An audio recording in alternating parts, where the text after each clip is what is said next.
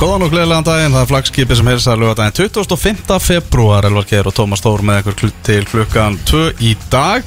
Síðasti, síðasta helgin í Edruar, það er heldur betur tíðindi. Fagna því?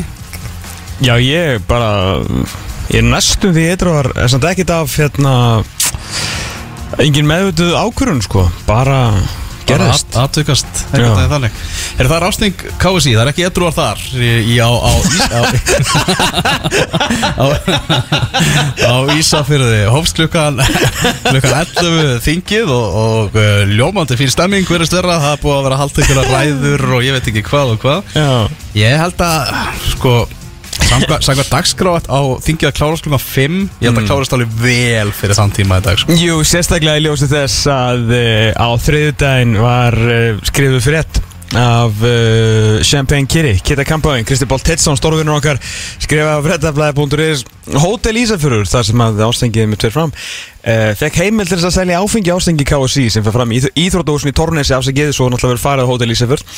Bjórdælunar opna klukkan 11 á hátegi á sama tíma og, og hérna þingi byrjar og eh, standa opnar til klukkan eitt um nóttina þannig að það verður Já, það verður hönd á, uh, á sveif á einhverjum krananum þarna held ég. Ég hef örgulega byrjað klukkan 11 Ég þekki nokkra sem að hafa kíkt í einn. Er Kitta ekki að segja frá, þú veist, er eitthvað tilbúð Er eitthvað tilbúð á barnum, eitthvað tvennu tilbúð Bolta tilbúð Bolta tilbúð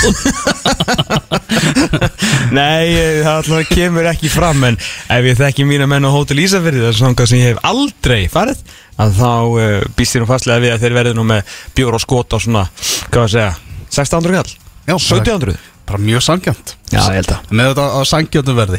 Er í þættinum í dag, Siggi Höskuld, Sigur Heiðar Höskuldsson Aðstofa þjálfur Valsir að fara að koma til okkar Ætlum við þess að lítið að ræða við Vals. Kannski eitthvað, eitthvað aðeins í byrjun. aðeins. Aðeins og, og svo munum við vind okkur yfir í ótímabæra lengju deildarspá og svo í lók þáttanins þá er það enski boltir, við ætlum að heyra í sæbindi stengi það gerir alltaf tilröndu þess. Hann er stættur á, á Englandi í þryggja fótboltaleikja ferð, var á Old Trafford á fimmtudaginn er á Vestamnottinga Forest í dag og svo úslitaleg deildarbyggasins á Wembley á morgun þar sem að Manchester United mætir Newcastle, þannig að það er mikið stuð hjá honum. Uh, 1-1, Keflæk fylgir hann er hérna á skjánum hjá okkur. Setna hálfleikur var að hefjast í, í þeim leik í Reykjanesöllin í lengjubikandum Keflækingar voru að fá sér nýjan leikmannuna í vikunni sókti var miðjumann sem heitir Sami Kamel og er danskur en á ættir að reykja til Írak hvorki meira en minna, hefur spilað með Hönefoss og Brattvak í neðrættildum norska boltans. Þannig að þeir halda áfram að bæta við mannskap eftir að við fengum formannin hérna heimsókn. Þá, þá hefur verið svona Já, tveir leikmenn á viku, um það byrj, kynntir síðan. Já, ég er núna strax komið með eitt draum fyrir tímbilið Já. Það er að uh, þessi nýja leikmaður kefluvíkinga muni missa vitið í einhverju viðtali. Við hvert sem það er, skiptir mig ekki dollu máli bara í einhverju viðtali og muni láta einhverja menn heyra það hvort sem það séu dómarar eða samherjar eða anstæðingurinn að þá verður hægt að vera með fyrirsögnuna Kamil Filtislaus Já, heyrðu þetta er ekki að opinbera þetta fyrir, fyrir alla, sko Já, ég veit að því að þetta heldur þetta ekkit, mun ekkert eftir að gerast því að Ástralir er nú svona af mínum kynnum við á, á veraldavefnum bara mjög svona kurtisir menn sko. Kurtis, kurtis fólk. Já, já. Já, þetta er, þetta er náttúrulega ekki Ástrali, hann er Dani sem átti ættir að reykja til Íraks. Ég veit ekkert okkur þessi Ástrali, ég var alveg sem Joey Gibbs. Já. Það fengur ekki Ástrali samt um daginn líka? Jú. Já, ég var rauglast á því, afsakið. Já, En Danir eru nú oftast líka fyllestlösi sko. Já, Nei, það er þjóð sem að heldur sko ríkt í hefðina að fá svo eina síkó já. Það er, við berum virðingu fyrir því, sko. Já, já, maður verður aðeins að halda í gamla tíma. Já, ég var um þetta að fá hérna uh, snapp frá Gísla Þorkjör sem er á góðum reykingabar í Kóngsins uh, Kaupmannahöfn akkurat þessa stundina. Já, ég, með, þegar ég var í Kóngsins Kaupmannahöfn á aðvendunni að þá, uh, hérna, var bara ská á móti í hótelinu mínu uh, ljómandi fyrir dreikingabar og, og það var alltaf svona einhver að fara út þegar ég var að lappa framjá það var svona bara lykt gammal tíma. Uppáldum mitt í Kaupmannahöfn, það er Norðurbrúin, sko. Það sem er bara reykingabarir út um allt Já, eins og þetta á að vera. Þráttur að ég reyki ekki eins og þess þá finnst mér reykingafólk mjög skemmtilegt. Það er almennt mjög gott fólk sko. Já, Það er líka hverfur oft frá okkur aðeins fyrr þannig að þú þarf svolítið að njóta þér á er. Það er svolítið Er þeir nógum að vera í, í lengjubikandum og þessa, þessa helgina? Og það var, ég var ímsi leikin náttúrulega bara í vikunni, í gær var verið að spila ægismenn sem náttúrulega komnir upp í lengjudeldina, þeir voru að spila á móti íjar í gær í breiðholtinu. Og þetta endaði 6-1 fyrir íjar, annar tiltaliði íjar fyrir kannski nánari þá eftir þegar við ræðum um ægismenn í ótímabæru spáni Já. Uh, aðri leikin og vikingur og frammættu sliðið sem voru að leika til úslita í Reykjavíkurmótinu um daginn Mm. þar sem að frammarar unnu. Þetta er gaman að því að þú sliðið sem að mættust í, sann, í úslitum þungavittabikarsins F og breyðablик, þau eru búin að mætast aftur. Þú er bara í fyrstu fyrir lengi byggasins Já, þá rúluðu blikar yfir þá eftir að hafa tapa fyrir þeim í hinum leiknum. Ítla Já, ítla, og núna vinna vikingar framara 3-0 á 50 Já, og maður svo sem ekki gleyma því að vikingar voru alveg í sens á að gera betur í þessum hérna uh, Reykjavíkur móts leik og svona broti aðdraðanda hérna eins marsins og svo þetta náttúrulega uh, er manni færri og, svona skoru líka upp bóta tíma þannig að kannski þurfti ekkert að koma neitt æfintilega mikið óvart og líka hreikala gott fyrir vikingar að vinna þennan leik því að bara sama dag eða daginn áður þá hefðu þeir Já, höfðu við vikingar sem sagt uh, fengið það bara sagt í frettastöða 2 að við varum að vaða eld og brennistein Já, Valur Þessa Páll dagar. bö- bauð upp á það, það væri að Lett Postman væri komið í 16. úrslit uh, Conference League en vikingar var að vaða eld og brennistein hér heima eftir að hafa tapað úrslitaleik Reykjavík ég bara, þú veist, ég hef nú séð að svarta á mínum sko 30 árum að fylgjast með þessu vikingslið en að fara í úrslitaleik Reykjavík og vinna fyrstu tvo í lengjubikatum og það er að vaða eld og brennistein þá bara I'll take it sko mm En hins var alveg skilaboð og, og kveikir von fyrir íslensk lið að legg postnan sem komin í 16. úrslit sambandstildarinnar eins og bara vikingar voru því að slá það út sko. ja, algjörlega við að vikingur væri bara núna hefði verið í pottinum í gerð það var verið að draga í 16. úrslit sambandstildarinnar Það hefur verið rosalegt Það hefur verið rosalegt. Nei, nei, ég, við sáum það bæði hjá blikum og, og hérna vingum að það, við færum snær uh, það sé alveg klárt og, og gleymum því ekki ef að uh, svona uh, önnur öll en kannski knarspinnan hefði ekki greipið í taumana gegn eh, Malmey að þá hefði kannski vikingar ekki þurft að að fara þessa lengri leið og verið kannski mögulega bara komnir nánast automatist í ústildulega eða í umspill uh, hérna sambandseldarinnar og fengið þær eitthvað þægilega drátt í gegnum hérna í gegnum uh, Champions Path eins og við vonum að blikarnir fái ára þeir fái nú físilegan drátt í, í fórkefnin Champions League eða sérst að hvað heitir, heitir fyrsta? Það er fórkefnin, fyrstu um fyrir allega að segja. Það er náttúrulega fyrst að í gegnum fórkefnina síðast árið sem við förum í það Matti Villa, hann skoraði fyrsta mark vikinga á móti fram, Nikolai Hansen það annað og þriða marki var séðan sjálfsmark. Já. Uh, Frettir að svona Óvænt stjarnalegsins frétti ég í morgun. Uh, ég var ekki búin að ræða mennum með leik. Það var uh, Gillimali Já, mið, miðvörðurinn. Já, spilaði miðvörð og vinstri bakur í þessu leik en eh, Gilli sem var að koma frá IR átti vist hörkuleik í vörninni hjá vikingum Já, heldur betur. Hann hann Já, var hann, var hann í, í byrjunleginu uh, Ég held að hann að starta leftback og færi svo í miðvörð þegar Oliver Ekroth fór allir Já, ok. Sveitn Gísli Þorkjálsson sem, sem að gekk, í- ræðir vikinga og svona framtíðar músík, framtíðar miðvörður vikinga Hann spilar, uh, ég ætla ekki að skjá að hann verið starter fyrir tímbili Það er bara svoleiðis? Já, ég held að Ok, ok. Áhugavert, uh, Lógi Tómasson hann var nú í, í fréttur núna í vikunni það var kom tilbóð sem að vikingar höfnuðu frá Eistrasaltinu Já, hver er hérna Litáin? Nei, það var, það var Átni Vil sem fór til Litá, var Nei, ekki hérna, Ríka? Ríka að segja í Is- í Íslandi já. Já, Lettland. Lettland ætla að segja, djúðlir í öflugur í, Íslandsaltinu Það þarf að fara að taka í Eistrasalti og, kenna þér á þetta Já, ég þakka sér ekki að fara Já, einmitt, Þú nú sagði ert það. þarna tvisar ári Já, ég, hérna, ég veit svo sem ekkert hvað þetta tilbúið hljóða upp á mikið en eitthvað bara svona segir mér að fyrst þess að var hafnað bara eiginlega með þetta sami að þetta hafi nú ekki verið ekki verið neitt sérstætt en það ekki verið mikið um það að Eistrasaltið hefur verið að sækja leikmenn hingað. Þannig að það sé ekki bara svona smá fáfræði um hvað uh, það er verið að borga fyrir leikmenn nema þeir hefur ringt í vin okkur á Norðurlöndum og spurt hvað er verið að kaupa leikmenn frá hérna í Íslandi og hafi sendt eitthvað svona eitthvað grín norsk tilbúð en þetta er klálega hérna, svona, Rósi í nappakatið hjá, hjá Luigi. Já, heldur betur eftir náttúrulega mjög furðulega tíma þarna þegar hann var lánaður í FH með, og FH náttúrulega var nánast bara veist, var alveg vita að hann væri að fara í FH því að FH var með eh, sagt, verð með á hann svo það gett keft eftir lánstíman og hann var líka svo slagur þar að hann var einhvern veginn hent aftur heim og endaði síðan bara sem eitt besti bakur í deildarinnar, ef ekki ég sá besti sko. Já, einn af þeim bestu, allar einn bestu fram á við, skulum við segja Valur vann 300 sigur á móti Vestra sama kvöld þar sem að Lukas Lógi Heimisson sá mikli, mikli réttinda baróttu maður var hann að skora á 43. mínútu. Siggi Lár skoraði á loka mínútu uh, fyrirháleiksins og svo var segðan Adamægir Pálsson sem skoraði á 74. mínútu. Og bara upplutt fyrir val að, að tveir af nýju mönnunum, Lukas Lógi og Adam Pálsson sé að, komast á blað. Já, er ekki mæri nú að skora í tveimur og held ég koma að mörgum í síðustu þremur leikjum? Uh, bara náttúrulega í öllum leikjum sem hann spila fyrir val uh, ekki, ekki síður slæmt að, að nýjast í bakvöru landsins. Maður eins og maður vildi nú frekar sko, ég veit ekki hvað heldur hann að spila bakvöru hér fyrir Viking á, sínum díma hann var ungur og upprennandi leikmaður Sigur Reit Lárusson að, að hérna, ég, hann, hann reymar ekki á sig skó þess að hann á þess að skora. Að tímaði breytast. Já, en afskaplega það er leitið að Siggi hérna, hvað var það svona sóknar hlutan í leiknum ef að Sigur Reyl verður alltaf inn í tegnum að að munda vinstri fótinn þar eins og markið sem að skora múti, múti skagar múti einn mm Það eru tíðandi í Reykjanesvellari því að uh, það var verið að dæma hér vítaspinnum, Keflavík að fá víti í eh, Keflavíkur og fylki sem að stötu sport er að sína í þráðbyrni útsendingu. Uh, Gunnar Freyr Róbertsson sem að dæmir þennan leik og hann er búinn að dæma þarna víti og já, gott ef þetta er bara ekki Sami Kamel hérna, ný, nýja leikmaður sem var kynntur í vikunni sem er á vítapunktinum. Það held ég eh, fyrir Keflavík. Þessi leikur bara er ekki á úslit.net er ég eitthvað rugglast eða? Nei.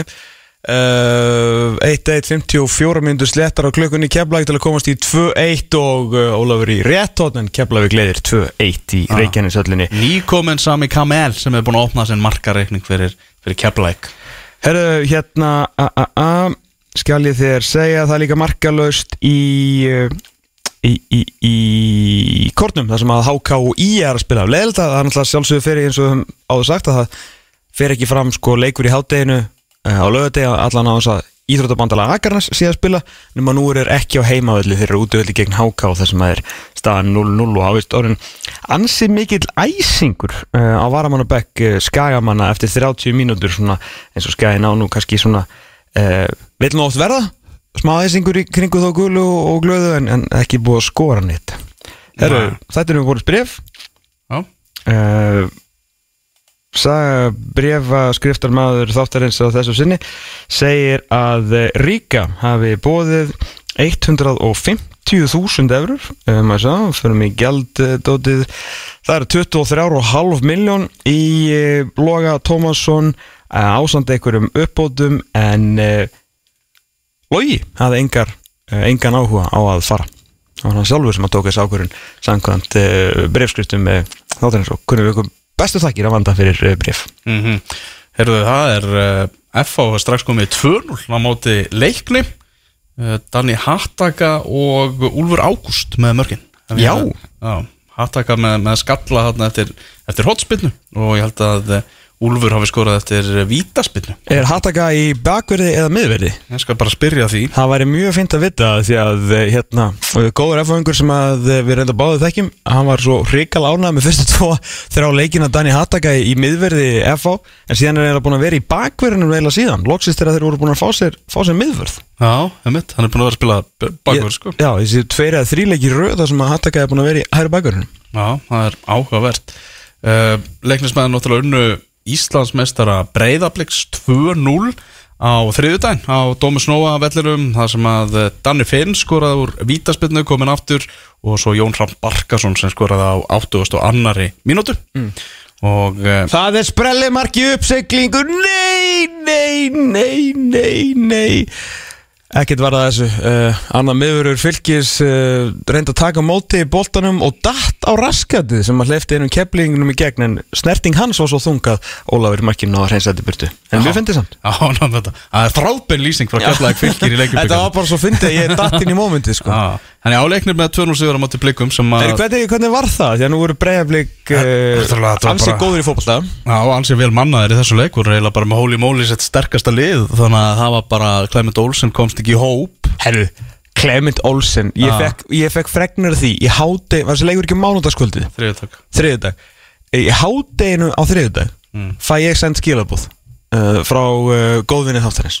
Það sem að segir Hérna Það er það Að Clement Olsen verði ekki hóp í kvöld. Og ég sagði nú, er hann strax meittur Er að lenda aftur í Venezuela Þetta er bara nei nei hann bara kemst ekki í hóp. Og ég fyrir ekki öfinur kemst hann ekki í hóp í lengju byggarnum í februar markahæsti leikmaður færi að færi sko deltarnar fyrir upphæði bara neða þetta er sagan, við sáum hvað gerist þarna klukkan 5 eða eitthvað þegar skýslan kemur. Herru, það var klæmyndin bara ekkert í hóp. Já. Var þetta bara verið eitthvað styrsta tilraun allra tíma eða?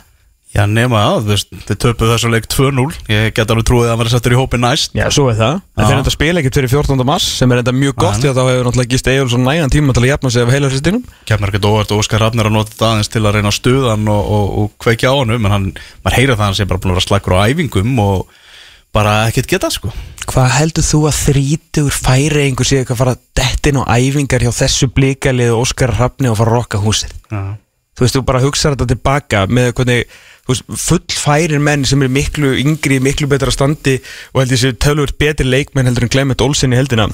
Og maður aðstæðlega hvernig blikarnir töluðu hér fyrst svona, já þeir voru kannski ekki inn á æfingu bregðarbliks, það var ekkit einhver hoppandi ánægja með það sem var að gerast þannig hjá Óskari, þetta var allt svo rosalega erfitt og ég veit ekki hvað og hvað. Og heldur þú þegar mynd, hann er búin að hafa, hversu kósi heldur hann sé búin að hafa það í Raunavík núna síðustu tíu árin? Já það kósi að hann hefur bara ekki hugsað sér til hreyfings fyrir núna þegar þið fallu út deildinni Einmitt, þannig að ég það kemur á óvart úr þessi og þetta væri eitthvað verkefni sem myndi, sem myndi ganga upp. Já, Stefán Ingi var að hérna, framlengja staðfest 2024, Já, skiljaðlega, verðskuldað. Ég verðskuldað. Verðskulduð framlenginga á honum. Uh, maður heyrði það líka að það sé svona eitthvað veginn óvisa með Alex Frey Elísson svona uh, þess að innkomu hans hjá, hjá, hjá breyðarbliki mm -hmm. þannig að maður spurning hvernig verður með það. En já, þessi leikur bara blikar náttúrulega meira með boltan eins og við var búist. Jú, jú. en þeir voru ekkert að skapa sér mikið af opnum marktækifærum og, og svona dutti í smá pyrring það var alveg harka í, í mínum mönnum. Og, og hann uh, vissulega átti breyðarblik klárlega að fá vítaspinnu í, í fyrirháleik í stöðunni 1-0 1-0, ok. Já, alveg klart maður að fara í bakið á, Jassoni Dada Mhm.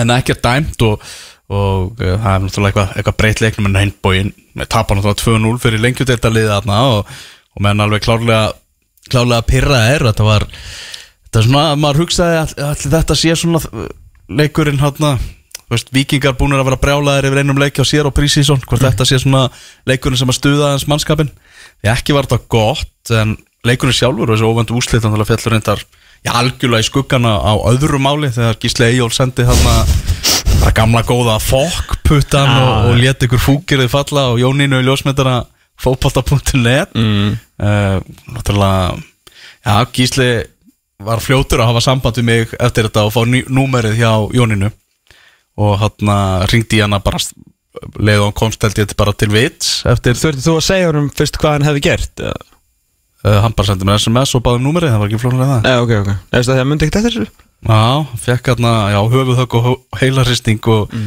bara vonandi búin að jafna sig 100% af því en Já, En Þetta móa mál fór sen allt saman bara Ég kjánalega stefnu, ég vona bara Ég vona svo sannlega því sé bara lokið Og þetta verði glemt glemt og grafið En En myndin lifir. Myndin lifir, það er alveg klárt mál. En ég hefði bara Mér hefði þótt eðlilegt Hefði breyðarblik bara sendt yfirlýsingu Það sem að hefði verið tilkynnt að Gísli verið búin að byggast afsökunar Og sagt frá því að hann hefði fengið höfuhögg Og farið á sjúkrafus og eitthvað. Í staðis að vera reyna eitthvað að skjóta á, á það að það hafi verið fréttaflutningur um þetta sko. Nei, mitt, menn kjósa vilja bara við, nákvæmlega vita hvenar svona stýra þeim fréttaflutning sem er sko uh, um sig. Og þetta var, já, þetta var, þetta var verulega kjánulegt en, en áfram gakk Ég væri til í að vera á Ísafyrði og, og taka eitt kalda með flosa í, í kvöld og, og fara yfir þetta Já, ég var til að heyra, þú veist, útskýringuna og hvernig hún líður með þetta en, Já. en bara, þú veist, áfram gakk það er februar Ákvæðlega, uh, 2-0 sigur hjá Leikni sem að síðan er að já, fá skell núna í, á móti FH, sá leikur náttúrulega byrjaði bara klukkan 12 Já, Sami Kamel er farin út af hjá Keflavík, ég sá ekki hvort það verið meðslega hvort hann er bara verið tekinn af velli. Já, þannig að það. Uh, Eitthvað meira í þessu, eitthvað meira í, í byggunni uh, Já, það hérna Geir Þorstinsson er hann fangandastjóri leiknis. Hann er Já. ekki farin úr úr fótboltanum. Hann að hérna, þetta er uh, kvalreiki á fyrir skrifstofu leiknismann það eru fáir ég fáir ef nokkur fáir ef nokkrir menn á, á, hérna, á þessum klakar sem við búum á uh, sem að vita meira um knaspinu umhverfið og hérna hvort sem að það sé bara hér innan, eh, innan þessari eigu eða, eða alþjóðlegt knaspinu umhverfið þannig að hérna, þó hann sé Félagi getur lært ansi mikið af þessu. Já, ég er klálega og hérna auðvitað umdeldu maður og, og allt það en það er, er merkilegt að fylgjast með skrifum hans á, á Facebook. Það er svona annað hver pistill svona, þú veist, hann er alltaf svolítið en þá svolítið UEFA og FIFA megin í lífinu þegar það kemur að svona, þú veist, að skamma Filip Lam fyrir að tala um þú veist, eitt og annað og svona stóð svolítið svona á svolítið Katar megin í lífinu í, á heismestaramótinu en svo þegar hann bara tala um eins og nýjasti pistillina sem bara fjármunni og hérna launahækkarnar hjá KSI varandi ITF og svona, það eru Það eru fáir sem að tala þegar hann setur sig í stællingar sem að tala af meiri fróðleik og vitneski um svona, hvað var að segja hinar hliðina, peningar hliðina sérstaklega á, á íslenska boltanum. Þannig að þetta er, það er fínt að hafa hann eða þá í, í leiknum. Ég held að við höfum alveg gott að því sko. Já, ég held að fara ekkert úr leiknum. Hann bara emma það brennur svo mikið fyrir, fyrir fótboltan Nei, þú veist, hvað hvar myndar enda? Geir Þorstinsson samskiptastjóri fiskkeldisins í hérna í Þólásöfni Já, með dörglega standa þessi Já, verið þú veist, það bara meikar ekki senskilur hann Nei, er bara fótbolta heili Já, við þurfum að halda honum í fótboltanum halda, Já. halda hans röddi í þessu. Klálega Það er klárt mál. Herruðu, Siggi Höskulds er komin í hús. Ef við taka okkur bara smá hlið og fara sann í lengjutildar spána Það held ég.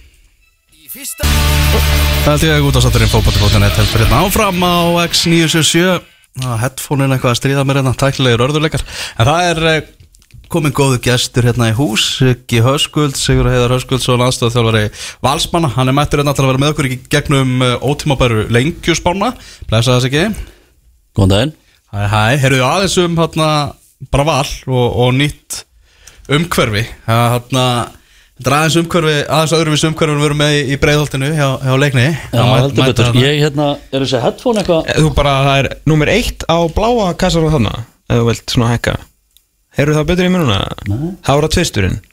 1, 2, 1, 2 Hanna koma Já, já, já. þetta er alltaf, Þetta alltaf er maður það sem kann á tæknina skilur. Það var ekki til viss uh, Herru Valur, Siggi, hvað hérna aðstóða þjálfari stöðu lækkun en samt stöðu hækkun? Já, og, var í dildinni en, en svona niður í, í hérna niður í, í starfstilli, hvernig hefur þetta verið? þetta er bara búið að frábært. Ég hérna, ég held líka að ég hef bara verið múin að undirbúa mig vel fyrir þessi svona, þessi skipti. Já, og hérna og bara virkilega svona ánæði með hvernig þetta er að fara stað og, og, og bara mjög spenntu fyrir, fyrir framhaldinu. Já. Þetta hlýtur eins og Elvar segir að hlutu að vera smá viðbrið svona að labba inn í kringluna þarna á ákvörðum degi og það sem er nú í bóði hjá þessu annars risastóra íþróttafélagi. Já, ég held að svona þetta er svona eins og líka saman aktu taktu og hagköp sko. Að, hérna, að þetta, er, þetta er allt öru en það er svona, svona það er það er rúslega margir sem tala um einhvern veginn þegar þú ert orðin valsari þá, þá ertu alltaf valsari. Þetta er svona góð stemming hana, það gengur vel í handbolta og körubólta og þetta er svona fjölskyldu stemming svolítið líkt og er í, í leikni bara á miklu, miklu starra leveli sko. Svona fjölskyldu stefning á Arnanesinu það er náttúrulega mikið, mikið til. Já, já. En, en eins og ég segi, það er svona þú veist, þjálfarar mm, handbólta, körubólta, fótbólta að spila saman og, og svona mikil nánd einhvern veginn og í leikni þá var þetta bara fótbólti og yfir daginn þá var það bara ég og frangundastjórin í húsinu og, Já, já. og hérna maður var svolítið eitt bara inn á skristofu sko og, og eitthvað að stúsast en, en þarna er þetta bara mikið stærra. Já, þeir eru náttúrulega svo lánsamir að hafa bara bólmagn og getur til þess í, í öllu að vera með þjálfara í föst, fastir vinnu allstaðar sem er náttúrulega æðislegt fyrir þetta fyrir hverju eina íþróttagrein og í hverju báðum, hérna, báðum kynjum en svo sem fleiri þjálfara sem hafa komið yngar að tala um það hvað er gaman að tala við körubólta þjálfara tala við handbólta þjálfara og allir geta nú þóttu sér sikkert sportið þá er það nú allir þjálfara sko. Ja, algjörlega, algjörlega. Og svona bara einhvern veginn, þú veist allir rosalega opnir og, og, og hérna, bara deila öllum fjandarnum sko. Þannig að, að hérna, virkilega svona skemmtilega stemming og, og bara svona einhvern veginn framar björtustu vonum svona byrjunin sko. Já, Ána með svona hvernig hefur gengið okkur að setja saman lið og, búa lið undir þessa, þessa keppni í bestu deildinni í sumar? Já, virkilega, virkilega og hérna, og ég held að að leikmennir séu líka bara mjög ánæður og spenntir. Og hérna þetta svona endaði náttúrulega ekki vel í fyrra og, og svona síðustu vikurnar í valsliðinu í fyrra voru regla mjög þungar. Og svo kemur langt frí þannig að þegar menn komið tilbaka líklega spenntir fyrir svona einhvern veginn nýjum áherslum og, og, og, og allir náttúrulega komið mikið professionalism inn í þetta.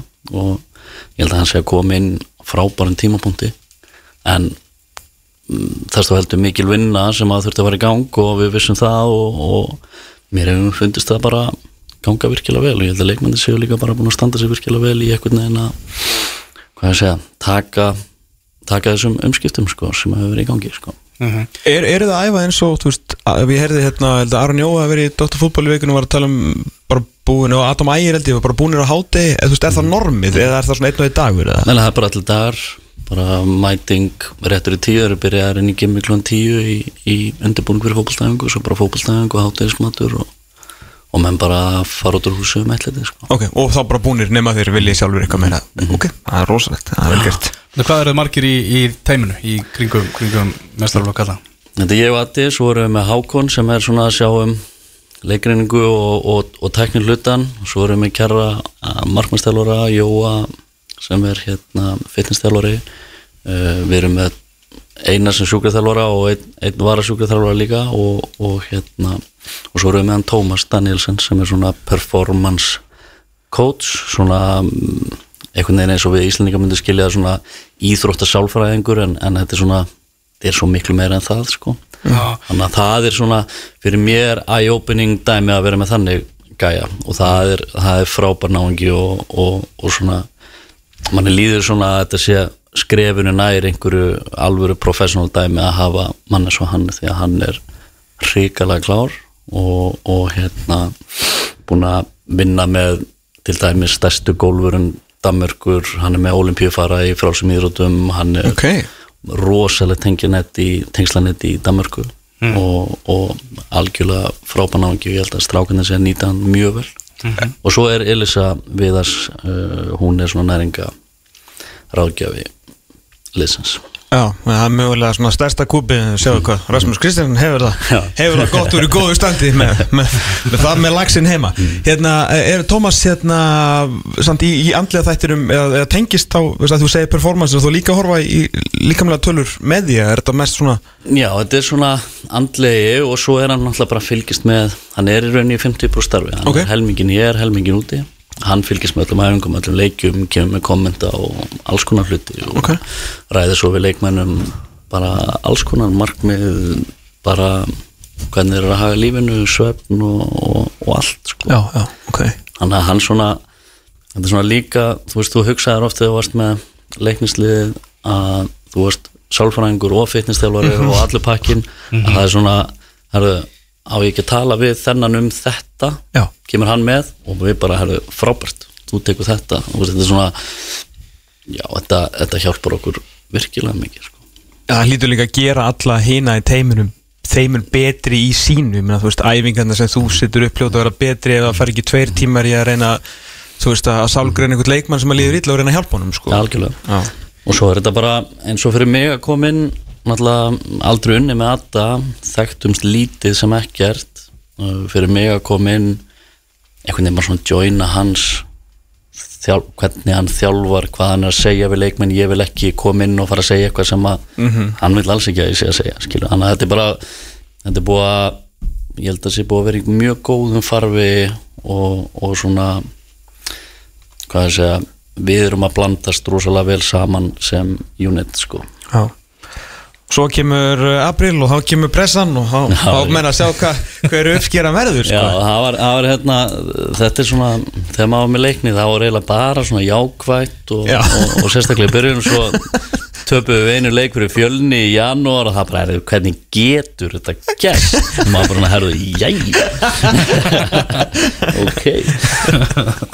Já, þetta er, er aðeins annar svona hluti spektrum sér Það er bara hlýtur að gaman að prófa það líka Já, maður. bara 100% og það bara út af því að maður er í þessu sko. Já, ef við nættur að fá Arne Grettisson hérna, þegar nær dreifum móti í svona einn og hálfum tíma, cirka. Já, minna má það ekki vera þegar hann opna munni Hann kemur og fyrir að ræða við okkur strákana sko. Erum við ekki að vinda okkur í þetta? Herra, jú, það er ótímabæra lengjudeildarspáin og við erum með þetta þannig að ég fekk bara fréttaritara á penna fótbolta.net Ekki senda Sigga skilabóð, hann er hér sem sérfræðingur og góðvinur þáttanins Þetta eru punktur net pennarnir. Ah. En hver einn og einasti talaði um það eftir þetta. Hyrðu, þetta er ekkert eðlilega erfitt. Nei, þetta er, þú veist, það er þau, hægt að setja öll þessi lið bara inn í þvóttavél og, og draga þau sem bara út nánast það er, þetta er, þetta er Næstum rosalegt. og ég er bara búin að ákveða það núna við tókum þann pól í hæðin í fyrra fyrir lengjudeldina mm. fótbolti.net og óti- ó- þarna opinbera spáin fyrir mót var bara frá okkur. Það verður ekki þannig núna. Nú ætla ég bara að láta þjálfarna og fyrirliðina spá fyrir um þetta mót sko. Ok, ok Þegar þetta er ekkert eðlilega erfitt sko. Nei, þetta er, þetta er rosa, þetta er mikið træðigrautur og þó að þetta umspil sem að ég við tver og fleiri svo sem er allan að samála um sé eitthvað mesta fásinna sem að Íslensk knæspilna hefur getið af sér á svona síðustu árum að þá verður allavega að spenna um þessi fjögursætti mm -hmm. ég veist að vera mörg lið með einhverju að keppa sem mun gera enda, ég held að þessi deild verið skemmtilegri í 22 umfyrir en síðan alltaf getur allavega anskotin gest þegar umspili fyrir á stað. Það er svona, þú veist út í þetta lítur út að vera svo jaft að þú getur verið í áttundasæti í glugganum en samt bara fjórun stegum frá því að vera að fara í ykkur úslæðikefni þannig Einmitt. að þú veist, þetta, er, þetta verður mjög skrítið. Þetta verður skrítið, þetta verður skrítið og, og það er hætt við því einmitt að það verður jafnvel enn lélegri liði sem að, sem að koma upp í, í efstu deild sko. Því að það hefur náttúrulega verið begja vegu, bæði náttúrulega hefur fengið frábæra nýliða sem hafa bara gjósanlega heilla okkur upp á skónum og svo bara auðvitað því miður, hörmungalið. En, en við hvernig það fyrir, við leifum nú allan á sumrinu að klárast og á svona fljótt á liti verið steltir núna að vera bara alveg munn jafnari heldur en hún hefur oft verið áður og, og sérstaklega þá bara í fyrra. Þar sem að voru náttúrulega bara tvö langbæstu liðin og tvö langlélugust Já, það var leiðil hvernig þetta, æxlaði sko. en, en já, ef ekki, að byrja bara eins og maður er sagði, við starra fyrir það barum uh, byrja í 12. setinu mm. uh, Punkt.net bennandir settu kannski mjög eðlilega nýjasta liði lengjumdöldarinnar sem mætti til leiks fyrir uh, viku síðan, viku síðan, viku. sjötugum síðan það er ekki Þór úr Þorlósöfn það er ægir úr Þorlósöfn þetta merka bæjarfélagi þetta sjálfsögðu með tvö íþróttalið minna máðan ekki vera ægismenn lendi þriðasætt í annar delt á síðustu leitið áttu þar bara stork á tíumbilinu fylki í byggarnum Nenad Sivanovic gammal eh, leikmaður breyðabliks að gera það flotta hluti. Skemmtilegt lið og horfa á mörgu leiti.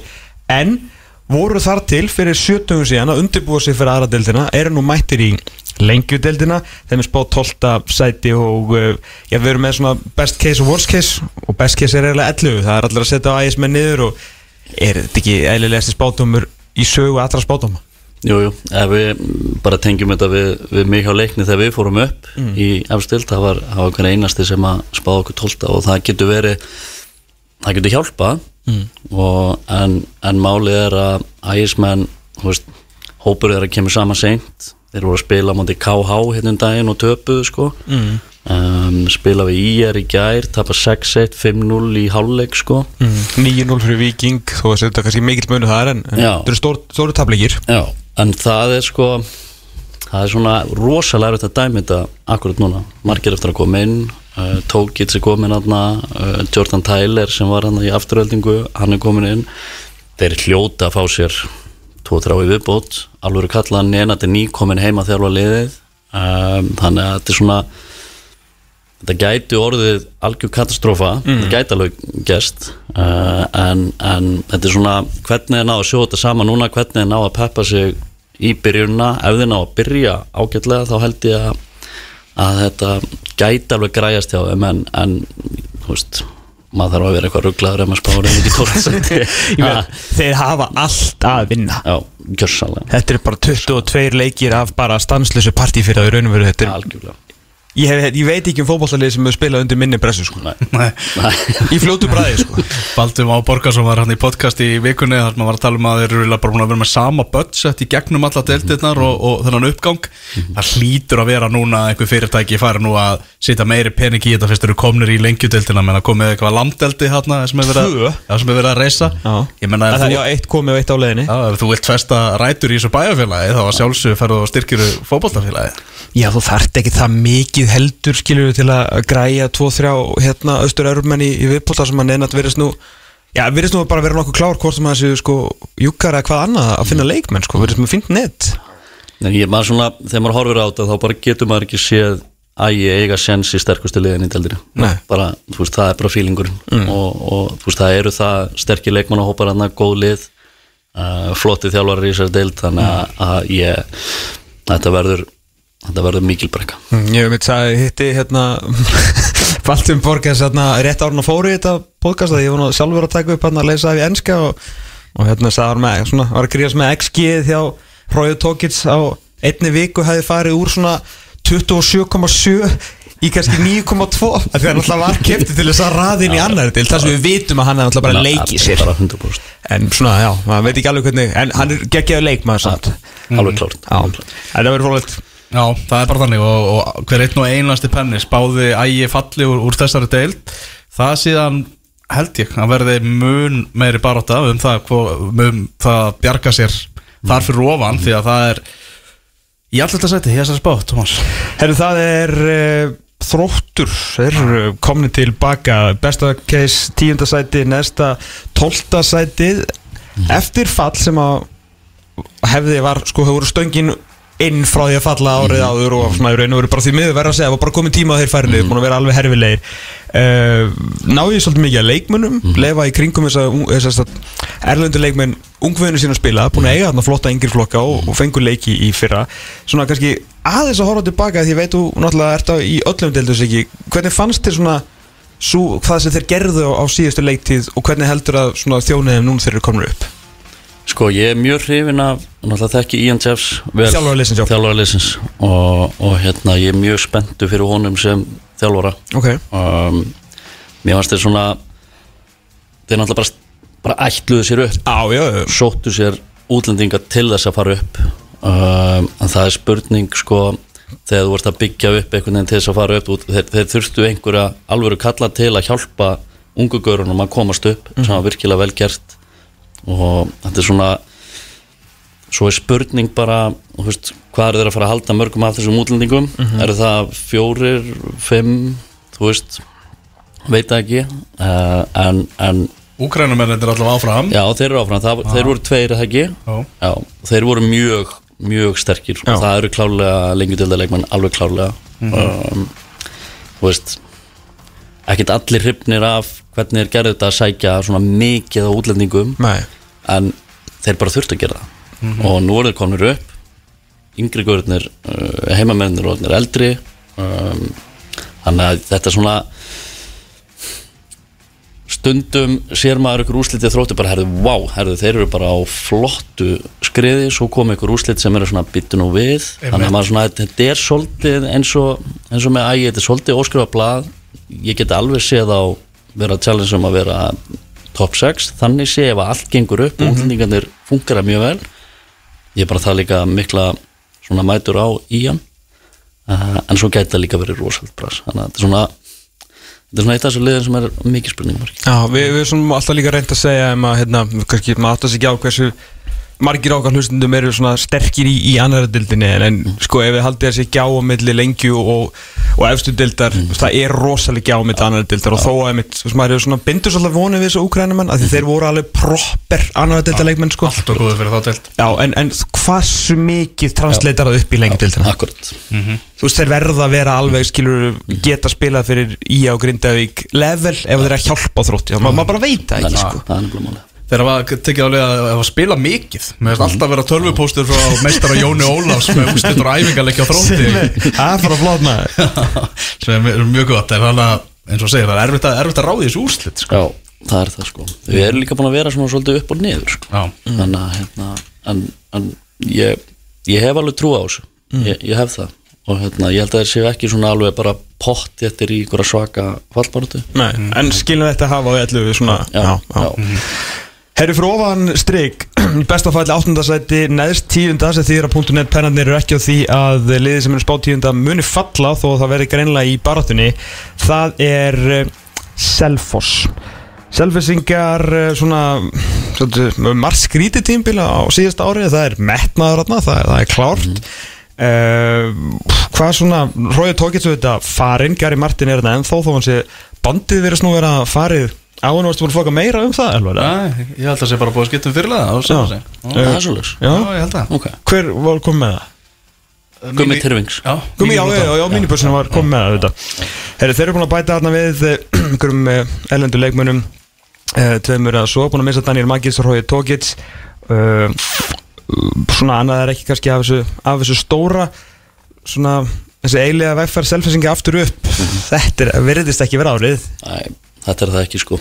Um, þeir eru náttúrulega bara að byggja upp þeir eru með unglið mm. og, og hérna, með rosalóndlið sko. Rosalega unglið uh, en, en það eru margir spennandi leikmennar en ungir og, og hérna ég sá það að spila móti leikni um daginn heima, fór 1-0 svona leiknir sterkara liðið með, og, og, og hérna selvleiksinn er svona þetta er svona leikstíl sem að ég veit ekki, þetta er svolítið svona power svolítið svona breskur fótbolti þannig séð og það trista mikið á Garri og bara eins og þegar bara Garri í öllum liðum þú svona sem þjálfari tristir svolítið á hann.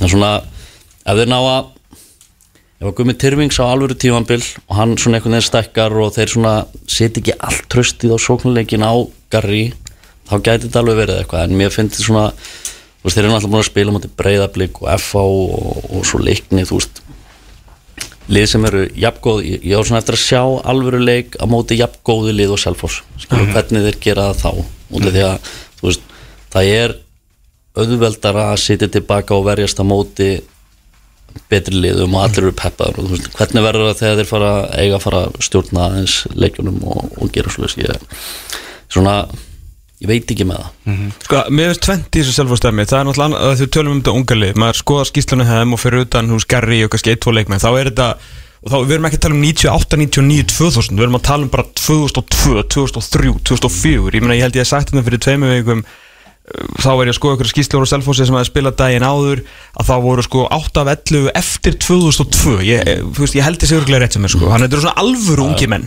Sem er mjög skemmtilegt. Sem er mjög hrikalega gaman. og ef þeir hafa þólimaðin í þetta og vilja borga Garri því að auðvitað verður að vera með gæði eins og Garri til að draga það landi í ykkur leikjum þannig að hennilega fallir ekki. En líka með Gonsa náttúrulega. Og Gonsi náttúrulega líka, þú veist, eru með góða leikmenn sem geta þá einmitt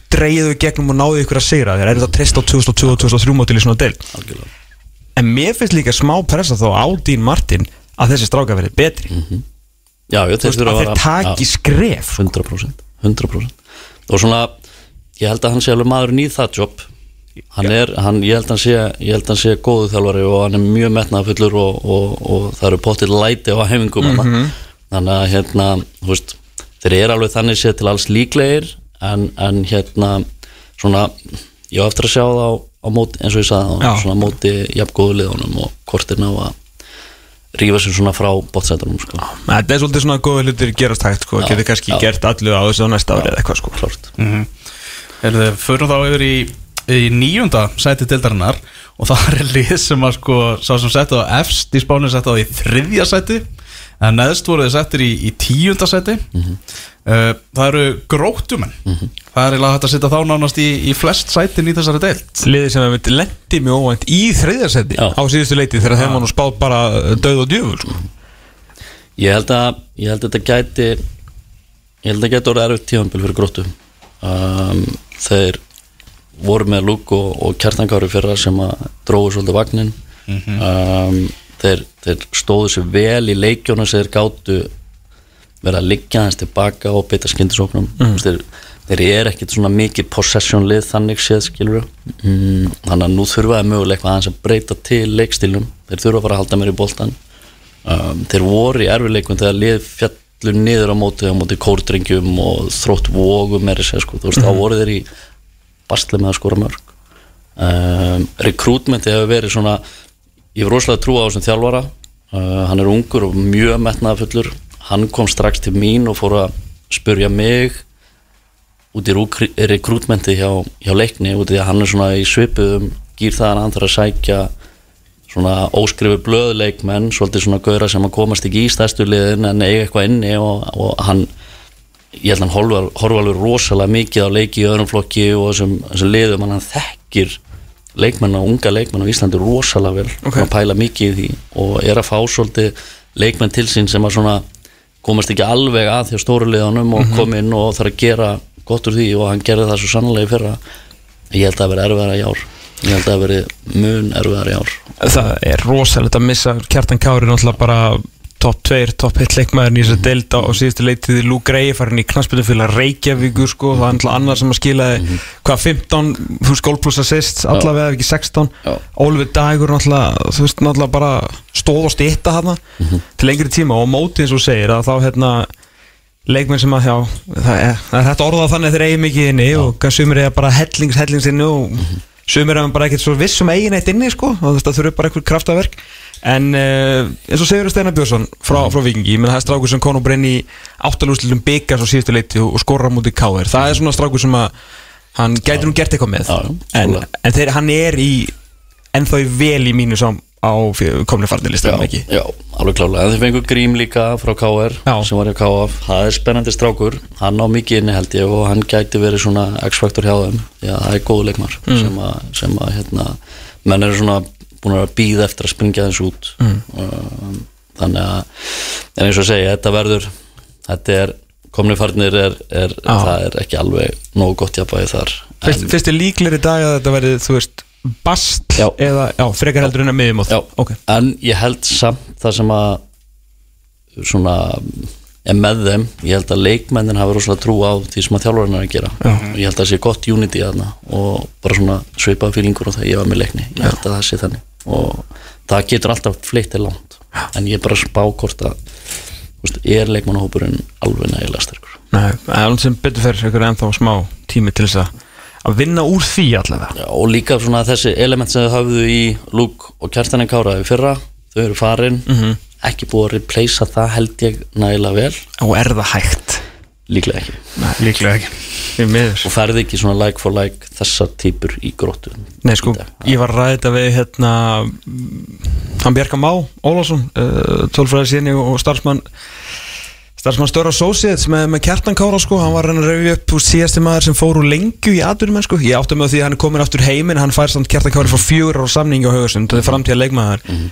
er það ekki bara Aron Jóhansson? ég held að það þú veist, þá er ég að tala um fyrsta Já. akkurat, Já. í austu deild í Norrlundum sko. akkurat. Þannig að þetta er alveg, það eru gæði sko. Já, nákvæmlega Herru, áttundasætið, eh, við erum búin að fara ykkur upp 12 í rellu þróttur, 10 selfos, gróta, 9 áttundasæti, nýliðar sem að eru nú þekktir, tölverð þekktari fyrir aðra íþrótt, reyndar mjög þekktir þar uh, þeim var hæst spáð 5. sæti, neðst 9 sem að þýðir að enginn af pennunum sem spáði hefur tróðið þetta lið farið niður verið jójólið í gegnum tíðina en það eru spennandi hlutir að gerast, þetta er að sjálfsögðu Njarðvík. Einn, einn af þremur nýliðum í deildinni. Þetta er þrejum nýliðum.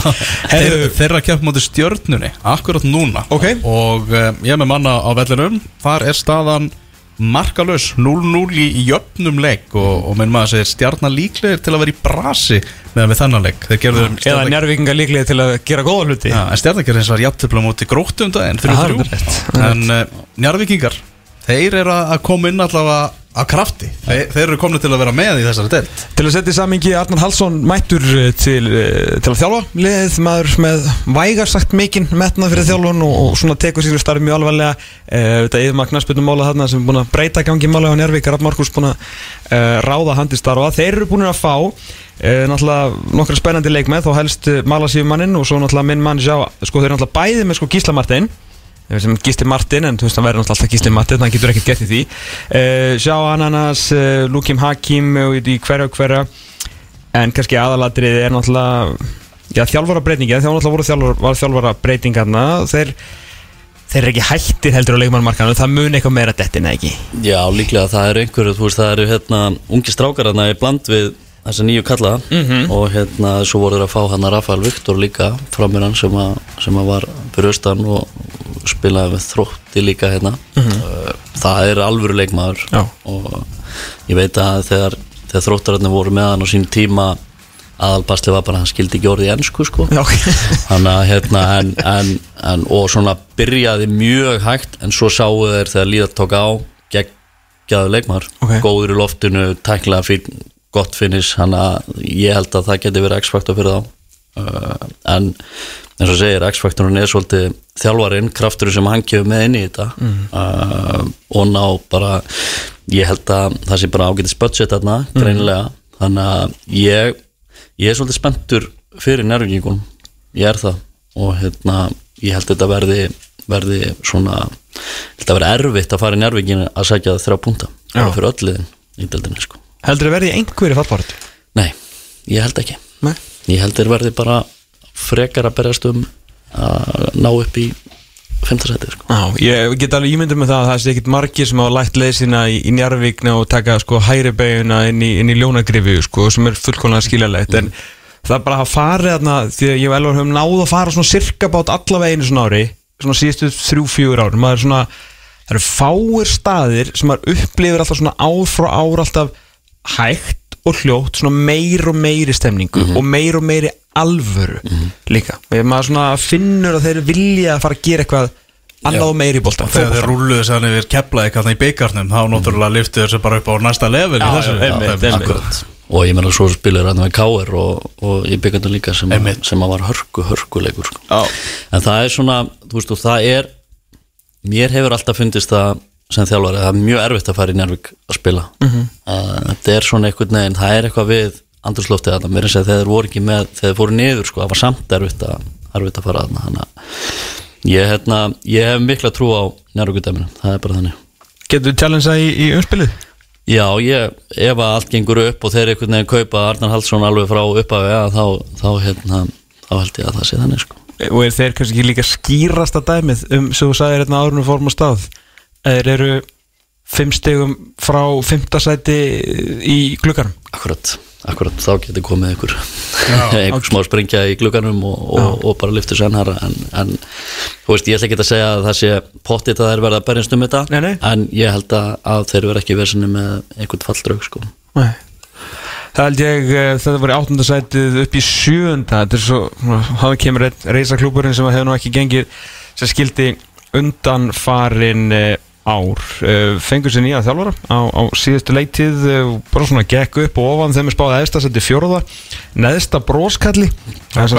Ég veit það ekki alveg uh, Ég þarf að fatta hvað er sólglerugna Er það nýju? Þannig að þú veist að kom skilur svega í Facebook skilur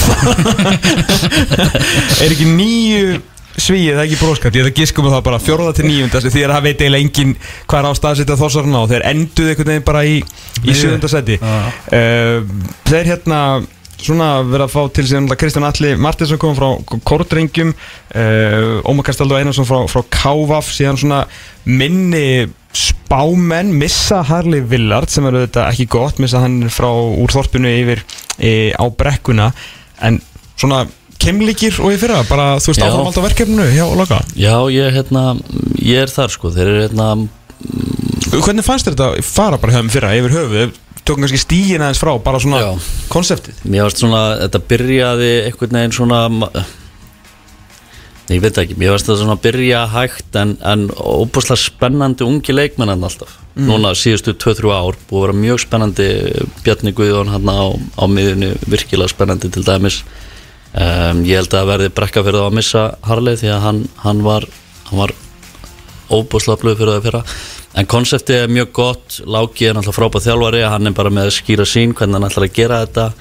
Um, ég var til í að sjá að taka stórt skref núna og, og verða mun betri enn í fyrra því að svona heilt yfir fannst mér þetta ekkert ekkert frábært hjá þeim sko. 30 stig, 9 sigrar Já. 10 tapleikir, mínus í markatölu. Já, ég sá nokkra leiki og þetta var svona veist, það var rosalega upp og niður fannst mér. Og, og bara í leikjunum líka komu mjög góði kaplar og svo svona, og það er kannski líka bara unglið, ungi strákar mikil ábyrð á, á, á ungum herðum. Hann að hérna en ég er svona eins og með svo mörglið í þessu ég er svolítið að báða máttu með þetta hvort, að, hvort þetta verði gott eða slant sísón mér er svona líklegast þetta verði bara svona steddi ágætt Já. hjá þeim. En, en, en alveg, alveg leikmennarna sem ég er spenntur að sjá. Það er leikmaður sem að maður á vist að fylgjast með. Mark Rokkastur Sörensen sem er 30 Dani hérna, sóknarmiðumæður og uh, ég veit að Perút sem að var hérna á, á þrótti á, á sínu tíma og er núna í hápi Köga hann vil meina það að uh, þetta sé leikmaður sem er bara rúli verið að delt það er svolítið, Já, hann sé, hann sé með, með getu í það. Ok, það er spennandi. Býðum að sjá.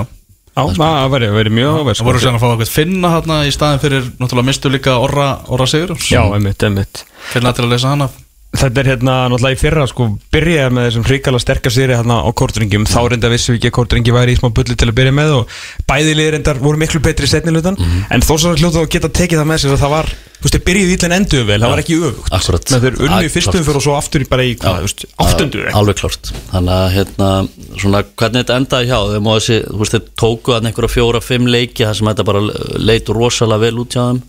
Uh, fengu náttúrulega svona sláka sem að fóru að skora mörg. Já. og, og hérna hann þarf að halda því áfram. Og spennandi að sjá hvað þessir nýju útlendingar gera.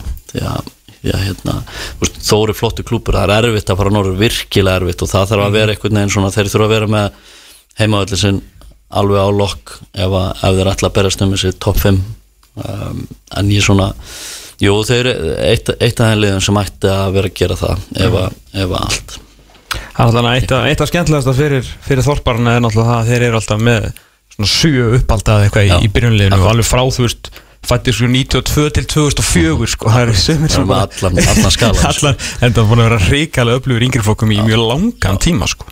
og svona kom svona einhver, einhver svona bunki af strákum núna og einhverju farnir út og, og, og hérna tveir allavega farnir út og svo tveir, þrýr hérna mjög spennandi sem að Já. er liðinu Kanski smá einskot að fyrst vorum að fylgja svona vel um kef, með keflaðið fylki. Hann endaði 2-2 þar sem að Birgir Eithórsson kom inn á bekknum og skoraði þarna frábært mark. Já, skoraði með drombu. Þetta var á 25 metrum overhendi fyrir uh, keflíkumartmenn þetta var geðveikt mark. Já, alveg geggjað sko. 2-2 þar.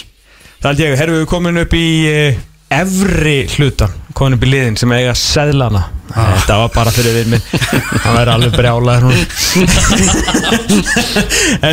Sjötta sætið sem að uh, þýðir reyndar ekki umspil. Rétt uh, þar eftir er umspilið leiðana 2, 3, 4 og 5 uh, Það er samt samhljómur. Þetta er eitt af liði sem er svona mesti samhljómur með að það er ekkert of mikill skali þarna. Efsta sæti 5, neðsta 7 sem að þýðir annarkvort umspil eða bara solid season Það er afturhelding í Mosfellsbæ sem er spáð sjötta sæti.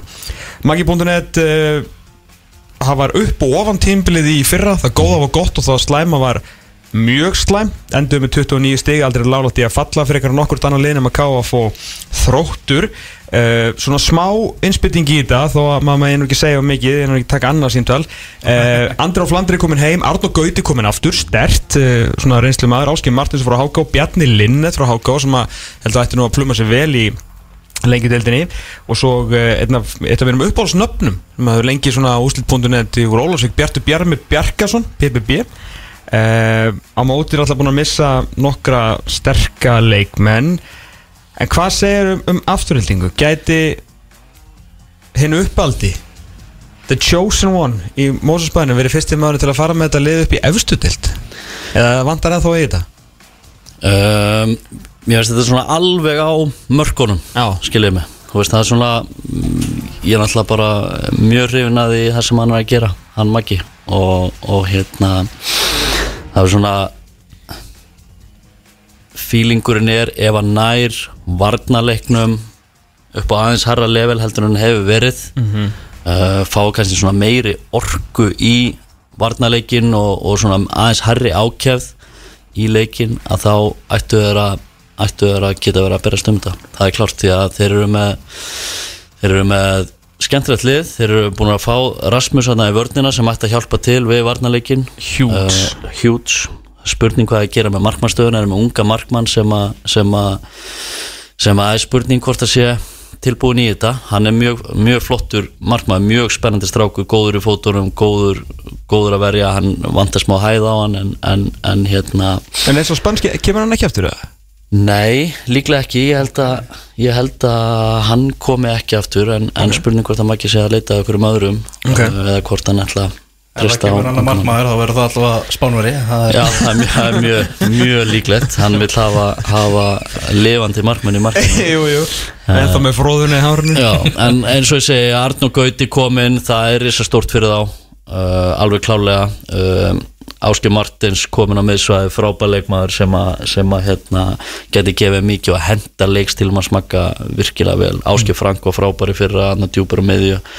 Uh, búin að missa Andi Hóti aftur til leiknis sem að, sem að verður stórt fyrir þá en, en halda í Aron Eli sem að einhver lið voru að spá í. Um, eru náttúrulega alltaf með ykkur að stráka nút í skóla sem hefur verið vesen hjá þeim síðustu ár. En, en ég held að ef að, eins og segi, ef að ég var svona tempóið í afturhaldingarliðinu hækkar aðeins varnarlega og, og hérna og Arnó Gauti heldur áfram að skora eins og hann gerði fyrir þannig að hann kom tilbaka Mhm. þá, þá hérna það verður allavega gaman að fara á með þeim, það hefur yfirleitt verið þannig og skemmtilegu fótbolti jákvæður, Maggi veit nákvæmlega hvernig fótbolti hann vil spila mikið tala um, um boltan sem þeir eru að spila Maggi ból og, og allt þetta. Uh, og mér finnst bara Maggi er líka bara það er svo, svona skemmtilega árið og hann er rosalega jákvæður rosalega svona þú veist, bara svona góð ára í kringum hann og, og, Þetta svipaði mitt og sagt á, fundum hjá dómarafélaginu Já, svona, þú veist, hann er aldrei, hann stressast aldrei upp ef að gengur illa, ef það kemur tapleikur, þú veist, þá var hann alltaf bara, herðu, þú veist, það er bara næsti leikur, eða þú veist, hann er svona, svona góð árifur og hann er fullkomin í þetta starfarna hjá þeim og, og hérna, og spennandi að sjá ungu strákarna líka, strákur hann á miðinu sem heitir Sævaralli og, og hérna, og, og fleiri, fleiri mjög spennandi strákar að Sko málið sem að afturlýðing þarf er, sko, ég veit þetta er mm, auðveldast að teiki í heimi en, en bear with me í smástund sko. Mm -hmm. fyrir að 39-39 og þetta er bara að segja, þú veist, hérna kemur auðvitað að teiki, þau eru að skora meira og fá færri á sig. En, ég ætla að ba bakka þetta upp með að segja, það er ekkit mörglið í deildinni, þú hlýtur að vera samlum sig sem eru betri teigi-teig Nei, nei. bara þú veist að að vera með boltan og 100% bara þú veist, þeir eru hrikalega frábært uppspil en þeir skora færri mörk eftir en Grindavík og hversu mikið drullu við Grindavík en alls síðasta sumar. Þeir fá á sig einu færri mark heldur en Grindavík og hversu mikið drullu við Grindavík en síðasta sumar. Aftur, Arnar Gauti komið núna from the get-go og náttúrulega svona sterkar leikmenn í kring en samt ekki með Assis sem er farin hann var náttúrulega hjúts fyrir á setinu Það er rosalega að hann væri ennþá sko. það væri svakalegt en Rasmus, og því að þú veist, við þurfum að skora meira hinn megin svo það er bara að vera fyrir helvitis boltanum hinum megin og taka smá meira præt í varnarleiknum sko. Akkúrat. þú veist að verjast þegar þú ert að verjast og þar er, þú veist, the nice guy eða sko, eða the good guy á fútból skilur en samt leiðtóin Rasmus hann er að fara að hjálpa þér. Það, það er klart, það er klart. Og Og, hann og hann er ekki að fara að vera einhver byrði í uppspilinu því að hann er frábæri fótbolta. Held og örfættur og allt maður. Þannig að þetta er svona þú veist, ég er óbærslega spenntur fyrir afturhaldingur og uh, nokkuð mjög góð úslit á undirbárstíðanbílinu, sáður á múti stjórnunni uh, í fyrsta leiknum í lengi vögunum, var ekki alveg nóg ánægð með á þar en, en, en hérna, eins og segja þetta er, veist, þeir eru eftir að fara hann í inn og, og, og allt þetta. Um, en mjög mjög spenntur að sjá Ásti Martins uh, Rapp Guðmundsson á kantinum núna, hann var að spila frammi hjá mig fyrra, svona einn upp á topp 15 ára línuna það var svona það var svolítið, Erfitt. svolítið, já, svolítið erfitt þannig að núna konar kantinn það er frábær leikmaður og, og, hérna, og fleiri spennandi ungir sem, að, sem eru gaman að sjá. Maggi þarf allan að koma svo upp á árun að þeir leggja gerugras á sjálfan Ólimpíuvelli sem það er, það er bara búið Já, já. stúka á leti það er stort, er svo ekki glemma því líka Andri á Flandri, Andri Freyr Það er eh, enginn sem kann betur að skora mörki í Mósespennum Nei, klálega. verð hann að hinum með við lækin en, en komin heim. En klálega bara hvernig er alltaf að hafa þá báðin á vellinu, Marnagauta og hann það verður, það verður hvernig hann ætlar að stilla því Herðu, við erum að fara að vinda okkur yfir í umspilsæti annað. keppnina En svo við erum margótt búin að tala um það Bara eitt lið sem við beint upp þetta tímabilið ný, Og eh, liðin í, í sæti 2 til 5 Sem að fara síðan í umspil Já, 2 mæti 5, 3 mæti 4 í og heim og heiman. heiman og síðan er bara úrslita leikur um sæti í Ah. bestu deildinni Hæst 3, neðst 9 liðir sem er spáð í 5. sæti Það er vestri á Ísafirði. Uh, Annar stór tímabil þar þar sem að menna allir sér Jú, stóra hluti. Daví Smári uh, Lamúde, mættur frá kortringjum til að taka uh, reyna að taka þetta skref sem að sami er búin að vera að býða eftir svo lengi að koma sér upp í upp í efstu deild, búin að fá Benedikt Varen frá Breiðabliki Fatih Gabmosi frá kortringjum sem þetta þekkti vel og haldið ansi mörgum af, af ellendu leikmennunum svona, já svo fremið sem að þeir veri ekki flautaður úr keppni. Svona, eða marka má svona sama vinn okkar oft. Að hérna, nei, nei, öllu gafnist leftu er vestri, eru betri stakkbúinir fyrir þetta núna heldur en á síðustu reyti? Já, ég held að ég, hérna, ég held að Davís Mári hendi þeim alveg svakalega vel. Ég held að hann sé fullkomin í, í, í þetta verkefni. Fluttur vestur? fluttu vestur, líðu vel fyrir vestan og, og hérna þeir náttúrulega eru náttúrulega bara í brasi með þess aðstöðu áveituna þannig að það er svona lítið að marka það sem að þeir eru að gera núna í þessum leikjum. Mm, en hins vegar við vorum bara að spila við á núna bara fyrir á fimmtudaginn. Já. og þú getur sést bara, þú veist, þetta er bara strax sama ára yfir þessu og kortringja liðinu Er það komin í bara 5-4-1 og Já, og svona, að svona 3, 4, 3 Já. 5, 4, já og, og sko þú veist, þú sér það bara strax þessi leikmenn er að fara að spila fyrir þennan gæja það er 100% mm. og, og svona veit ekki, það er svona þú, þú sérði einhvern veginn strax áhrifin sem hann hefur á leikmannahópin þetta er náttúrulega uh, ótrúlega karakter og, og hann færiði til að hlaupa fyrir sig og hann færiði til að berjast og, og það var greinilega svona það var greinilegt að það smellur eins og flýsur rass við þetta verkefni. Hann alltaf fær Fatæ hérna með sér fyrir kórdringjum sem að bara geggjaður leikmaður í þessari deild geggjaður. Og, og þú veist það voru sumi leikir með kórdringjum í fyrra sem að hann var bara það ekki miðjumæðurinn? Jó, miðjumarinn, hann, þú veist hann, ég hugsaði fyrir að þessi gæði á bara verið í efstu deild í alvöru liði, þú veist, þessi gæði á bara verið miðinu hjá FH eða eitthvað svo leiðist því að hann, hérna svakalegur íþróttamaður kofirar rosalegt pláss á vellinum fljótur, sterkur fínn í fótbolta, þú veist, ef hann væri aðeins betri í fótbolta þá væri hann ekkert hér nei.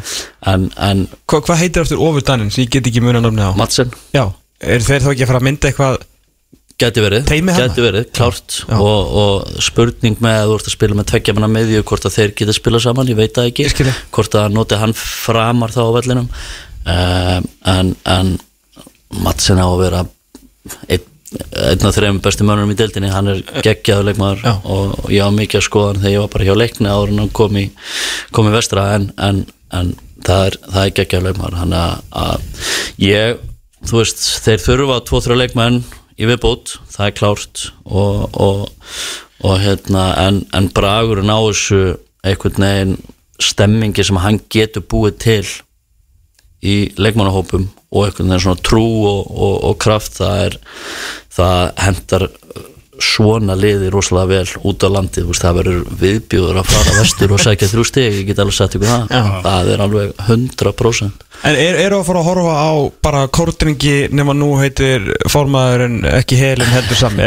Já, og líka bara þjálfari sem er, að, sem er sko, sko að verða betur og betur og betri með hverju árinu Já. að því líku metnaður í þessum gæja. En er er þeir að fara að liggja förstleikadri, tækla svona, er, er hann fyrir fyrst í dag verið komin eitthvað? Hann er komin lengri en það Ok. alveg klárt. Ok. og, og þeir, voru, þeir voru að reyna ímsar hluti í uppspilinu á mótu okkur og fymtdæðin sem kannski gekk ekki svakalega vel á mótu okkur því að þeir eru bara ekkit búin að vera að æfa Nei, nei, en þú sást greinilega það eru pælingar í sóknuleik og þeir verða þeir verða helviti erfiðir á breykinu Já. og, og hérna mér varst Túfa mjög góður á, á fimmtudaginn á mót okkur, hann er hann að spila upp á topp. Og, og hérna með Bendit Warren sem að svona lukkar eins og svona svolítið leikmaður sem langar rosalega mikið að sanna sig. Og, og ég held að sé svolítið eldur í honum. Skoraði tvö frábær mörk hann á móti skaganum en daginn og, og smellinu svo flýsur rass hann það fyrir vestan. Hann að, að hérna, ég er svolítið spenntur að sjá vestra og bara finnst mjög eðlert að sé verið að spá um þessu seti sko. Þannig að þú sér alveg klálega í minnst okkar stegum spilbaratunni já, Já. það, sko, það fyrir eftir því hvaða tvo Tvo, já, ná já, núna. ok. ef þeir fá tvo alvöru leikmenn og Madsen kemur aftur í alvöru hug að þá, þá verður þetta alvöru lið Já, það verður gaman að fylgjast með þessu margir líka sem að svolítið að var pælt í því hvað verður ef að, ef að, ef að Davíð Smári flýgur úr hreirinu sem hann jú beði sjálfur. Þannig að hérna, þetta verður mjög áhverð. Er þeim spá á fymta sætunum fyrir ofan þá lið sem að kom eh, bara skemmtilega óvart í fyrra það var samt skrítið að segja komið óvart þetta er nú lið sem búið jójó á milli delta en var nú ekki búist um miklu. Þessi lið er spáð efst öðru sæti sem að reyndar hefur ekkert að segja í ár en neðist sjötta sæti þetta er uh, ein mesta stopnunin í lengjudildinni undan farin 15 árið eða svo. Þetta er fjölnir í grái mm -hmm. fjölinsmenn uh, komast ekki upp en áttu ljómandi fína leitið undir stjórn uh, nýs þjálfara Úls Þeir eru búin að fá Axel Freyr Haraldsson frá Kortrengjum Bjarni Gunn komin heim frá HK Ólaður Dagur 12 síst eins og sögum á hann frá Grótu sem við reynum sér frá Kríu. Búin að missa Andráf Landri í afturheldingu og kannski það stóra í þessu að já bara verkalýs barátumæðurinn uh, Lukas Lógi Heimisson. Ég bara barðist fyrir sínu kom sér í burtu, komin í val. Uh, þetta var uh, kom þér síðasta tímbil á óvart uh, 36 stig eftir 22 leiki 51 mark skorð næstu því endur teinis í dildinu eftir fylki. Þannig að svona fannst þetta betur en þú bjóst við? uh, Nei, ég bjóst nú alveg við góðu tímabili hjá þeim. Ok. Að ég held að hérna, þeir eru með betri leikmannahóp heldur en margur heldur og mér finnst þeir eru búin að styrkja sig vel með þessum leikmannum sem hafa fengið inn. Ok. Uh, þeir eru með mikla reynslu í þessu liði í bland við unga stráka og hérna spennandi unga þjálfara í Úlfi og ég held að það sé góð stemming hérna og, og, og hérna og svona ég ég trú á fjölni uh, og, og bara leikmannahópurinn er það sterkur. Mér finnst þið bara með sterkasta hópin í deildinni. Ok. Og, og hérna þú veist, margi leikmenn sem að maður svona sem að eru bara með svolítið svona efstu delta stempil á sér Mhm. og hafa spilað í efstu deild og eru með reynslu og, og ég held að hérna fá Axel Frey og, og Ólfur Dag uh, sem reynis komin aftur í alvöru sem tók sér veginn svona smá frí frá þessu, það er frábær leikmaður geggjaður í klefa og, og, og, og allt þetta, hann að svona Bjarni Gunn frá HK líka þú veist, þetta er, þetta er alvöru leikmannahópur fyrir mér. Og, og hérna ekki búin að missa mikið fyrir utan, fyrir utan hérna Lukas náttúrulega. Og þannig að ég þú veist, mér veist það svolítið mér veist að Úlfur eigi bara að setja stefna að vinna þessa deild sko, með hennan hóp Ok og hérna, þú veist, ég er ekki að segja að gera það en, Nei, nei. en, en mér þú veist, ég í hans spórum hefði svolítið litið á þetta líkt og ég gerði með lengslið þetta er svolítið tímapunkturinn herðu ég bara, þú veist, það á bara að vera eitt í mínum huga, það er að fara upp en deild sko. Já Það verður náttúrulega kannski alltaf aðeins erfiðara með hverju árun að, að móti vera, þú veist, the likes of gummikalli og svona Já, já, já, í, í lengi dildina þó þau mun alltaf gefa þér allt þér eiga í, í já, já, en svona mitt að láta svolítið slag standa með, með leikmenni kring. Já, akkurat, þú veist, fyrir mér eiga þetta bara að vera karakterar í það sko. Og hérna, ég með geggja markmann, þú veist, þetta, þetta bara já, ég hérna mér finnst þetta bara ef ég ætti að páenanga bara hópana, þá líklega myndi ég setja á efsta sko. Já. En svona, svo þarf einhvern veginn að finna réttu blönduna og, og allt þetta en, en stórt að missa Lukas náttúrulega en, en já, ég hérna ég er þarna sko. Já. Fjölusmenn í, í fjórða sæti. Þar fyrir ofan, liðið sem að uh, kvatt okkur í oktober það var í bestu dildinni eftir uh, tveggjóraðuöld þar. Það, uh, þeim er spáð efst öðru sæti, neðst fjórða þannig að það er á ljósta pennar.net fyrir utan náttúrulega að vera skítrætti við rittstjóra sinn uh, hafa líka mikla trú á leiknismönnum. Uh, annaðið að fjórða leiknir í Reykjavík uh, þeir náttúrulega, náttúrulega Reisastóri er svo náttúrulega Geir Þorstinn sko. Við erum búin að fara við þau Félagaskipti. En uh, þeir koma niður á sand Agarnesi Búin að fá Arthur Inga Kristinsson. Er kannski förum fyrst yfir það sem er farnir. Adam Örn uh, kom hérna í, í smá lánsamning. Birgir Baldursson farinn, það er það missir. Hann er alltaf hörku leikmaður. Bjarki Alstinsson uh, úr vörninni. Uh, Dagur Ösmann, Emil Berger sem að þeim munu sjálfsögðu sjá mikið eftir Og gerir hrapp sem fór í FH fyrir utan svona þessa Dani þarna uh, sem að kannski sló ekki alveg mikið gegn og vonast var til. Búin að fá aftur á móti Arnur Ríkja Kristinsson aftur og val. Danni Finns kominn heim Ómar Sóe sem er svona ein af skemmtilegu sænum tímbilsins að mínum mati. Og síðan tvo stráka sem að hafa verið að fá að smakka meistarflórsbolta undanfærin ár. Annars vegar Andi Hóti og hins vegar uh, Patrik Rínivetski uh, sem voru í KVF og aftur eldingu. Það var svo góð lásmaður frá, frá þér Siggi Það röttur með tvo hann á láni Ég er hérna agent Siggi. Já, hann- Ólaður Flóki. Já, og uh, Arnur, Já. hann var á láni. Artur, hann er á láni, já, já ég rugglaðist, ég held að var að koma úr láni, ég var búin að gleyma að Valur náttúrulega átti þessi stórkauparni í sumar. Uh, Er þetta ekki ágætis ágætis pluss mínus? Jú, ég, hérna, ég er mjög hrifin að því hvað, hérna, hvað er að taka inn. Uh, risastórt að fá Dana Finns tilbaka, risastórt. Uh, Ómar Sóe risastórt Andi Hóti að koma tilbaka búin að fá tvö tímabil núna í mestralflokki Úlingalandslismöður úlingalandsmaður uh, fyrir mér mm, bestum ekki leikmann í sér deild. Andy Hóti? Uh, já. Ok. Uh, og gæti bara verið einn besti hafsendeldarinnar í sumar. Um, það er svona eins og ég segi ég, ég bjóst við að þessi pennar myndi hafa minni minni hérna trú á leiknistæminu Koma þess að það sigur á móti blikum að þessi Já, ég var einmitt að hugsa það hvort að það hefur verið eftir það. Að, en, en ég náttúrulega þú veist, horfandi á þetta mér veist, einhvern veginn veist að þetta niður um deild og þá var svona ég held að það hafi verið svona fyrstu tveir mánuð en það hafi verið svolítið svona erfiðir einhvern veginn að kickstarti svo aftur. Uh, en með einhvern veginn góðan grunn ungir þýstir strákar sem að, sem að hérna, eru með starfa hlutverk núna. Þannig að ég núna þeir eru náttúrulega að tapa núna fyrir FH 2-0 í, í háleika ekki? En, en ég Það er 65 búnar. Fengu þessu mörkarna á 5 og 12 mínútu Var ekki, var ekki alveg vaknað í byrjun?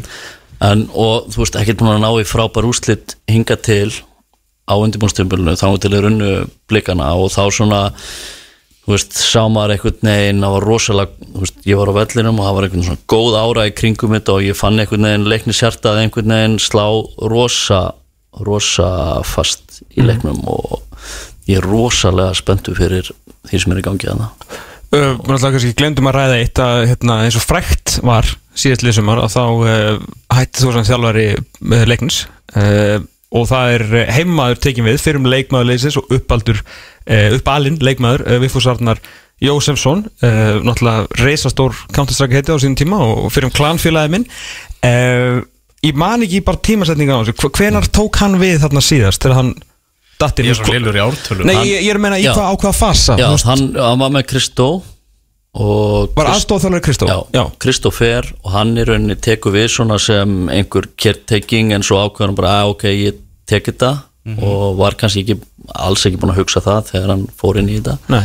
Eh, og ég kem svo inn með honum Já, miðju já, já, já, og ég Já, ég, svo steppi ofan á það og svo þú einmitt, einmitt. og þú veist, ég fann strax einhvern veginn þetta er náttúrulega rosalega klárnáingi high IQ gæi uh, rosalega svona góður fyrir framann hópin hann er rosalega yfirvegur og rólur hann er ekki læti, hann er, hann er er skólar, þetta er mentamæður Já, og hann er líka svona hann er líka með, þú veist, hann getur líka verið rúðles, hann getur verið sagt þér nákvæmlega sem hann finnst og veist, þetta er, þetta er frábær náingi frábær þjálfari, uh, mjög spenntur að sjá hvernig þessi nýji leikstíl sem þeir eru að- að implementa hann og Donni uh, hvernig það er eftir að virka ég er með svona smá áhyggjur að að, gera þetta og gera, blöytu gera græsinu og fara svo yfir á erfiðan græsvöld Er hann komin í, í náttúrulega það eru, það er ekki til meiri aðdáðandi Barcelona á Íslandi heldur en Viðfús Arnar sko Já. Er hann, er þetta Barcelona light? eða? Já, svona, nei, nei kannski Light er than light. Já, uh, en, en Já, segjum possession meira já, Já. Og, og hérna vilja, vilja spila svona possession based fótbolta uh, en það er spurning, þú veist, ég rak mig alveg rosalega mikið á þetta að gera ógeðslega flotta hluti á gerðugrassinu og svo ferði á grassið og það er alltaf fótbolti að mörguleiti og, og svona, ég er svona bara áhyggjur á því en ég held að þeir þeir vita þetta nákvæmlega núna og, og ég með þess að rætti þetta við, við, við á sko að, að hérna, það áttur að vera breyting og þeir eru eftir að þurfa að venjast því að fara á grassið og spila þennan fótbolta á grassinu, það er alveg þannig. Já. og, og, en eins og ég segi þetta er góð blanda af ungum leikmönnum og þetta verður ungt lið en svo ertu með gauðra sem að greinlega eru ennþá þyrstir, mér finnst gaman að sjá Sindra Björnsson núna að hann er í ham einhvern veginn aftur og, og hérna horfandi á hann á móti blikonum, mér finnst hann, hann geggjaður, Andi Hóti komin í vörðina bara frábær og, og hérna ég, ég er rosalega spenntur fyrir svo og óbúslega spenntur að sjá samvinnu Danna Finns og Ómar Sói það er klart. Þetta er náttúrulega, þetta er helvitis hreggjast ekki í þessu lið sko, með náttúrulega góðan unga markmann sem að búin að fá fullt af leikjum. Hvað, verður ekki, ekki binni hluga með Andi, svona líklega Jú, svona stefnir það. miðvara par, þú með Danna Finns Sindra og svo Sói frammi. Já, svo ertu með eh, Daða Bærings líka Daða sem, að- Bærings, sem skilur að, við. hérna, hann er búin að vera eh, líklega besti leikmaður þeirra nú á Precision Já. Þannig að, að hérna, hvort sem það er í hafsend eða, eða djúpur hann er getur hann er- leiknur unnið þessu delt Já, Já, þeir geta Herri, þegar að spáð öðru sætinu þá komi, já, ég er enda tvö já, ég held því áhugaverasta lið, klálega í uh, lengjadöldinni fyrir þetta tíumbil þeim uh, efst spáð fyrsta neðst fjórða sem er það algjör katastrófa með eitthvað hefur gerst. Tvö hörmuleg tímabil í lengjadöldinni með við vandingar og fjárfestingar. Þetta er að sjálfsögðu Grindavík uh, stærsti klúburinn á samt skagan alltaf núna en svona stærsti klúburinn síðast áratugin eða svo í lengjadildinni hafa verið að fara upp og niður um deild. Alvöru fjármagnarna, alvöru metnaður alvöru fólk sem að vinnur í kringum þetta það vantar aldrei að, að þeir vilji gera hlutina vel. Það er svo sannlega vantuð upp á síðustu árin en nú á Nú voru sko teknur upp einhverjir sko herlúra sem að sjaldan séð bara síðan að Káa var hérna fyrir einhverjum sjö árum. Það er mikil yfirlýsingagliði í Grindavík og þeir er alltaf að vinna þessa til Já, og þeir fara með það. Herru, þeir eru hérna búin að fá uh, þjálfara Já. sem að þekki vel til í þessari deild og að fara upp úr henni líka Mm. uh, Helga Sigursson Þeir eru sem konum með Alessandi Veigar hann er búin að taka fyrir skóna aftur Bjarka Alsteins og frá leikni til þess að fá smá hæði þarna í vörnina og Daga Usman sem er leiðis en það stóra í þessu er auðvitað Einar Kall Ingvarsson frá stjörnunni Gauði Lýs er hérna áfram og eitt stykki Óskar Örn Högson sem að verður sjálfkrafa uh, superstjarna í þessari deild Það á- verður- verður á plaggutunum hann verður á öllum Ah. plagutum uh, Jú, við erum búin að missa eitthvað aðeins á móti eins og Aron Jóhansson sem kannski ekki gott en já, þú veist, þetta er náttúrulega búin að vera hreinasta, hreinasta hörmunga þarna, uh, Siggi, en, en þetta lið? Já, já, þetta er bara nýtt lið, gjörsanlega um, og ég heyrði bara í gær að Kæle og Marley Blair var að fara þarna líka Já, Ég er náttúrulega búin að spá því sko, fyrir svona átta vikun síðan að kæli og það er engin staður sem hann er að fara að enda það var Grindavík. bara sem var að staðfesta við Já, ok, það er komið þangað. já, eðlilega. Þannig að þetta er alveg alveg splunkunýtt lið uh, það er gamalt en það er reynslu mikið uh, ekki fengið úslitin núna upp á síkasti sem þeir hefðu viljað til þess að einhvern veginn koma að flugi inn í inn í deildina en það er, það er, það er tími fyrir það um, þetta er fyrir mér gæti þetta verið geggjað, það eru stóri karakterar þarna, maður er svona maður veltir fyrir sér sko ef það gengur ekki vel hvernig höndlaðir það skiljið mig? Algjörlega. Og, og hérna, það er náttúrulega mikil orka í Helga, hann er náttúrulega með rosalega metnað, hann, veist, hann pælir ekki held ég neini öðru heldur en, en fótbolta og vinna fótboltaleiki og skora mörg sko, þannig að, að það gæti drifið alveg vel áfram og ég held að hann sé alveg ég held að hann sé alveg eins og flýs við rass við svona leikmannahóp þannig að, að veist, þetta gæti orðið geggjað og þeir gæti farið á okkur svaðalegt rönn og bara einhvern veginn bara massa þessa deild. En, en þú veist hvernig munið er díla við einhverja, einhverja svona um, erfiða tapliki og einhverja tapreinu það ég veist, mér finnst það pínu spurningumarki en þeir eru með, þú veist, Bjarki og Dagur hafa farið upp úr sér deild og, og, og þú veist, þekkja þessa deild og, og svo bara með öll þessi nöfn sem eru komin. Þetta er að það er að sjóða saman sjóða saman gott lið og góða liðselt og, og þá, þá held ég að þetta geti verið alvöru massíft. Mm. Það vantar ekki tilfinningarlega bara hraða í þetta, í þetta lið, þetta er ekki allt og hæg miðja og Jú, 100%, 100% og það er spurning skilur þegar, hvernig er verða í, í þú veist, þegar lið fara að breyka á þá og, og annars slíkt og, og, en, en ég er svona þú veist, eru lið ekki svolítið þú veist, ef að lið eru að fara að falla á móti þeim það myndi henda þeim ágætlega upp á það þú veist, þeir eru með flinkamenn og, og, og reynslu og, og, og svoleiðis en, en ef þetta verður eitthvað transition leikur fram og tilbaka, það geti verið geti orðið brekka fyrir þá. Það er alveg þannig Alltaf, svo sem það voru margir til kallaðir svo sem fáur útvaldir þegar að koma þessu grindavíkur starfi. Helgi Sigursson alltaf gríðaljú sigurveri er með alltaf ótrúlega mikið svona winning attitude, ég meina hans uh, trakkar eitthvað á Íslandi sem leikmaður og, og þjálfari þú veist, kemur heim fyrir framsjón í fallið það átt að falla fimm árum á undan sko. Uh, fer með þá upp á fyrsta ári, nennir ekki að taka þann slag fyrir val.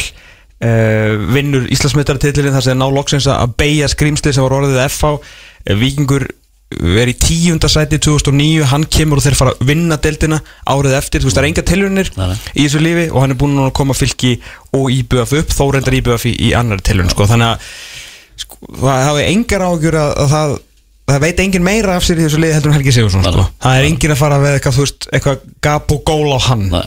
þannig að ég held að það sem varst að segja, sko, ég held að hann hendi þessu helviti vel, sko. Já, ég held að það sé 100% og, og ég, held að, ég held að það er eldur í honum líka. Mm. þú veist, hann er svona einhvern veginn að koma úr jobbi sem að, sem að í stóru liði og nú er hann einhvern veginn sem að gekk ekki vel, hann að hann svona mér veist hann líka svona svona herðu, þú veist komið með, þú veist, hann að sanna sig sem alveg þjálfari aftur, skilur, Já, þú veist, hann veit allir uh, hvað hann getur og, og, og að hann hafi unnið þess að del tvisar og, og allt þetta að farið upp tvisar hann að, að hérna, þetta er bara eins og flýsurass eins og við sagðum og, og hérna þe- þeir verða topp þrejum fjórum alveg 100% mm Uh, Brett Smádur, það er 1-0 í kórnum þar sem að HK er komið yfir gegn uh, hverjum?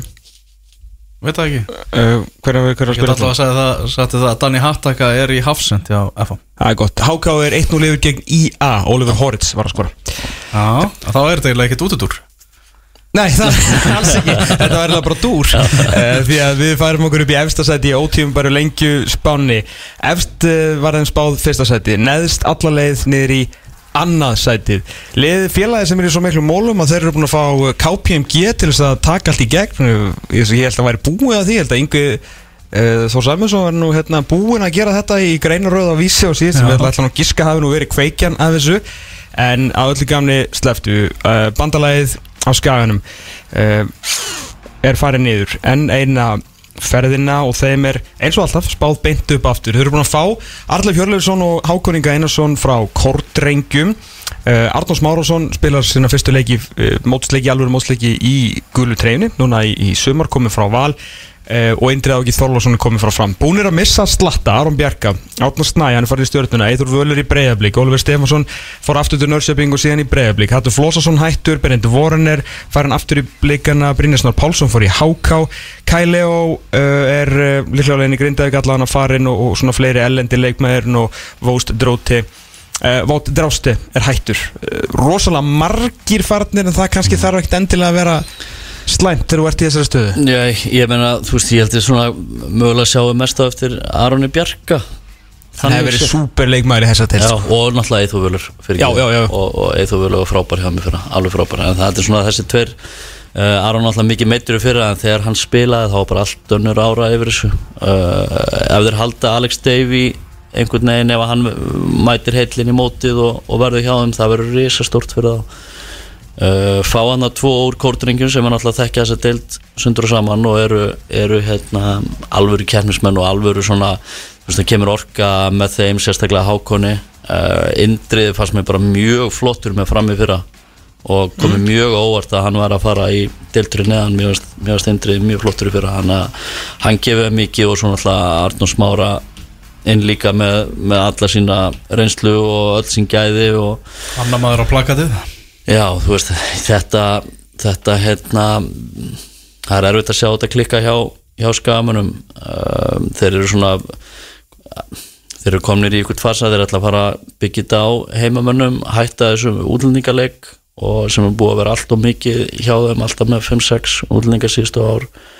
Þannig að mjög hrifin að því uh, þannig að, þú veist prófum að smættur að hjálpa, hjálpa hérna Jón Þóri mm, Það er enda gott. Það er, er stort fyrir það líka að ég hérna ég er bara mjög spenntur að sjá í að dæmið því að það verður, kraftur í þessu og það verður, þú veist, það ætti að vera rosalega tjarta í þessu liði næsta tíðanbíl og, og þeir, þú veist, það á bara að vera krafa að þeir vinna þessa deild. Og, og, og þú veist, vonandi hjálpar það þeim bara en, en Sko, það verður eitthvað byrði Ég átta að þeir eru ekki kannski baróttu við ef við tökum bara næri hlutinni fyrir að kepla ekki fram IBF eitthvað sliðis uh, leiðin í kringu og eru slakari. En veist ég, ég er svo sem að skoða skýslunum núna og ég kannski fatt ekki nákvæmlega hverja vantar og náttúrulega örgulega mér sýnir samt að vera flestir hann en þegar ég horfa á þessa skýslu í dag uh, þú veist ef ég fæ að vera smá Latkut til að búa til eitthvað smá útvarpina Mhm. ég er alveg bara eina orðið sem kemur í huga minni bara ple Þú veist, mér finnst þetta ekki svona borlíkjan Því ég bara horfa á þessa skýslu Ég þarf samt að horfa náttúrulega auðvitað til hinna liðina sem eru ekki, það er ekki Joey Gibbs eða eitthvað þannig í hinnu liðun sko algjörlega Þú veist, strákuðunum kortringjum mm, Þú veist, Gísti Lagstall What have you done for me lately Auðvitað haukur andri ógeðsla spennandi mm. veist, Hákon Ingi, þú veist, Jói, Jói Val Átni Marin og þú veist á ekkert nema þarna einhverjar, einhverjar sex leiki skil, ég, er ég held með öllum þessum ungu strákum Já. En af hverju er svona bolli hérna þeir vinna þetta? Uh, mér finnst ekki borleikind að þeir eru vinni þetta. Mér finnst borleikind að þeir eigi að bara ætlast til þess af sér. Ok, ok, fair enough. um, um, Þú veist Átni Marino, ég held það verður frábær markmaður og ég held að hann verði besti markmaðurinn í, í, í þessari dild uh, eins og sagði hann ef Alex Davey verður hann í hafsendum hann verður bara besti hafsendum í dildinni það er, það er 100% Ok. að, þú veist, hann, ég held að fólk vannmeti hann rosalega mikið. Já, þú veist, hann, hann kemur mér þá, orð, ég, ég er þeim einn lífinu. Já, ég meðan Gísli Lagstall á að skora 10-15 mörg Viktor Jóns, einhvern veginn algjörlega búin að hrista á sér meðsli Já, og hann á þessa deild, sko. Hann á þessa deild. Og þú veist, ég sé bara ekki annað en að hann skori 15 mörg mm. Hákon Andri á miðunni var, mér veist hann bara Haukur Andri. Haukur Andri minna að hann hérna mér veist hann bara mér veist hann geggja á leikmar Mhm. og mér veist hann bara komin á þann stað að hann er bara að vera risastór miðum að rísari dild 2005 módel nota bene, 2005 og bara magnaður. Arnór Smára, ef hann er einhvern veginn að halda sér heilum uh, ég sá hann um daginn og hann var bara lúkaði bara fitt skiljiði mig. Ba, veist, hann á bara að bossa bossa þessa deild með gæðum Já, já, já. Uh, Indri Áki hann er að koma inn á miðsvæði þetta þrý ekki inn á miðsvæðinu þetta á að vera besta, besta miðsvæði deildinu fyrir mér, einhvern veginn með ein, eina svona moskítoflugu hann út um allt sem er í, í haugjöndra og svo yfirvegurinn í, í bara geggjum með að gísli á kantinum geggjaður, Viktor frammi þú veist og svo bara, þú veist þessi heimavöllur og þessi saga og, og allt þetta skilur sem hefur alltaf verið ég, þú veist, ég hérna bara grjótart þjálfara teimi sem á eftir að garga og áfram og, og einhvern veginn fá, fá allt til að klikka. Ég, ég hérna þeir verða þarna. Ég, ég, ég, það er klárt en, en hvort þau vinni til þarna ég veit ekki. En, en þessi fjögur efstu sem voru í þessari spá ég, er, ná, ég get nánast verið fullviss um það að þetta verða topp fjögur. Í að grinda leikni fjölnir? Já, og svo bara áttunum fymta já það er svona minn fílingur þegar ég var að hugsa þetta í vikunni og þegar hérna, þegar ég held að ég ætti að ræða þessu þá hugsaði ég þessi verða þarna fjögur og svo veit ég ekkert hvað þángar, þángar til í tólta Já. en hérna en eins og segi, já, ég held bara Ok. ég held að, að, að skagamenn bara verða að horfa á þannig að þeir eiga, eiga hérna setja kröfu á sjálf og segja að vera í efstasendinu Já, ég, ég skil alveg hvað það fara og veist, uppsætið er klálega þarna, þú veist Átni hefur rými til að vera besti markmaðindildinni Viktor hefur rými til að vera markaðistur Haukur Andri besti ungi leikmaðurinn? Arnór besti leikmaðurinn? Veist, það er alltaf þarna en síðan bara, hrista á sér slenið og go out and show us, sko. Klálega, og einhvern veginn svona, þú veist, þeir voru svolítið, þú veist, það búið að vera svolítið back and forth hjá skaganum núna síðustu ár, einhvern veginn leikstílin að bara finna sinn leikstíl, finna sitt, hvað virkar, finna byrjunarliðið sitt, bang, vera massífir og, og þá, þá held ég að, að þeir verði mjög góð málum. En finnst þér ekki merkilega samt með þessa KBM, hvað, KBMG skýslu, að, að fá bara svona óháða úttekt á félaginu eftir, mistum, 100% Mér finnst það skemmtilegt. mjög skemmtilegt. Bara hérna- aðeins að hugsa út fyrir kassan Já, en þetta er, já. eru átján Íslandsmeistaratitlar eftir stríð sko, og langflestir atvinnum en þetta er merkasta knasputnstofnun á Íslandi. við bara erum svolítið búin að gleyma því hefur lítið gerst í langan tíma. Já, já, svo kemur hann á að lappa gangin Já, við bara, já, við með þessi og þessi Já, já. og þessi og þessi. Og mér er að núna þráttur að hafa ekkert getað með fullir veringu í svolítið tíma að þá er samt sko, hvað er, hvað er með tvo startir eða í landsliðið eða þrjá eða eitthvað sko. Einmitt. skilju, þetta er bara verksmiða já, já, þetta er það og, og, og hérna einn, einn helviti spennandi hérna sem, a, sem að klára þetta tímanbíl og búið. Svo er hann farin eitthvað í ykkur alvöru hann, hann haugur, Haukur Andri. Já, algjörlega. Búin að sjá þessa landslíki með hann spilandi tveggja manna miði á móti frökkum einu ára eldri að, að, hann einu ára yngri að Já. það er bara unun að horfa á hann það er svolítið hann er bara, hann er með sömur löpagjöt og bróðu sinn hann og, og hérna og bara geggja bara svona þú sér það bara á honum að hann er made for it sko Mm. Djúvel sé leðilegt að vera að þjálfa eða vera formaður í einhverjum öðrum íþróttagreinum á skaganum heldur en fókbalta er Nei, það er svona hans Halla, hann verð bara í fókbaltan Já, ok. Þannig var uh, ótíma bara leng, lengjusbáin í að vinna deildina. Ef hún rætist, Grindavík, Leiknir, Fjölnir og Vestri fara í úslitakjarnina uh, þar fyrir aftan afturhelding Þór, Njarðvík, Gróta, Selfoss og svo í fallsætunum Þróttur og Ægir Þorlagsson Það held ég eh, stór, stór skemmtilegt og þessi deildir þetta byrjar á svona cirka bát eðlilegum tíma. Við erum að fara á stað við annan í páskum með bestöldina og er þetta ekki svo bara eitt maður með að júli eða eitthvað? Nánast. Það verður fínt að vera búið að kera bestu deildina svona vel á stað. Já, já, þegar. Þetta partí byrjar, bara þegar maður skoðar þetta þetta, er, þetta verður stórskemmtileg deild í sumar.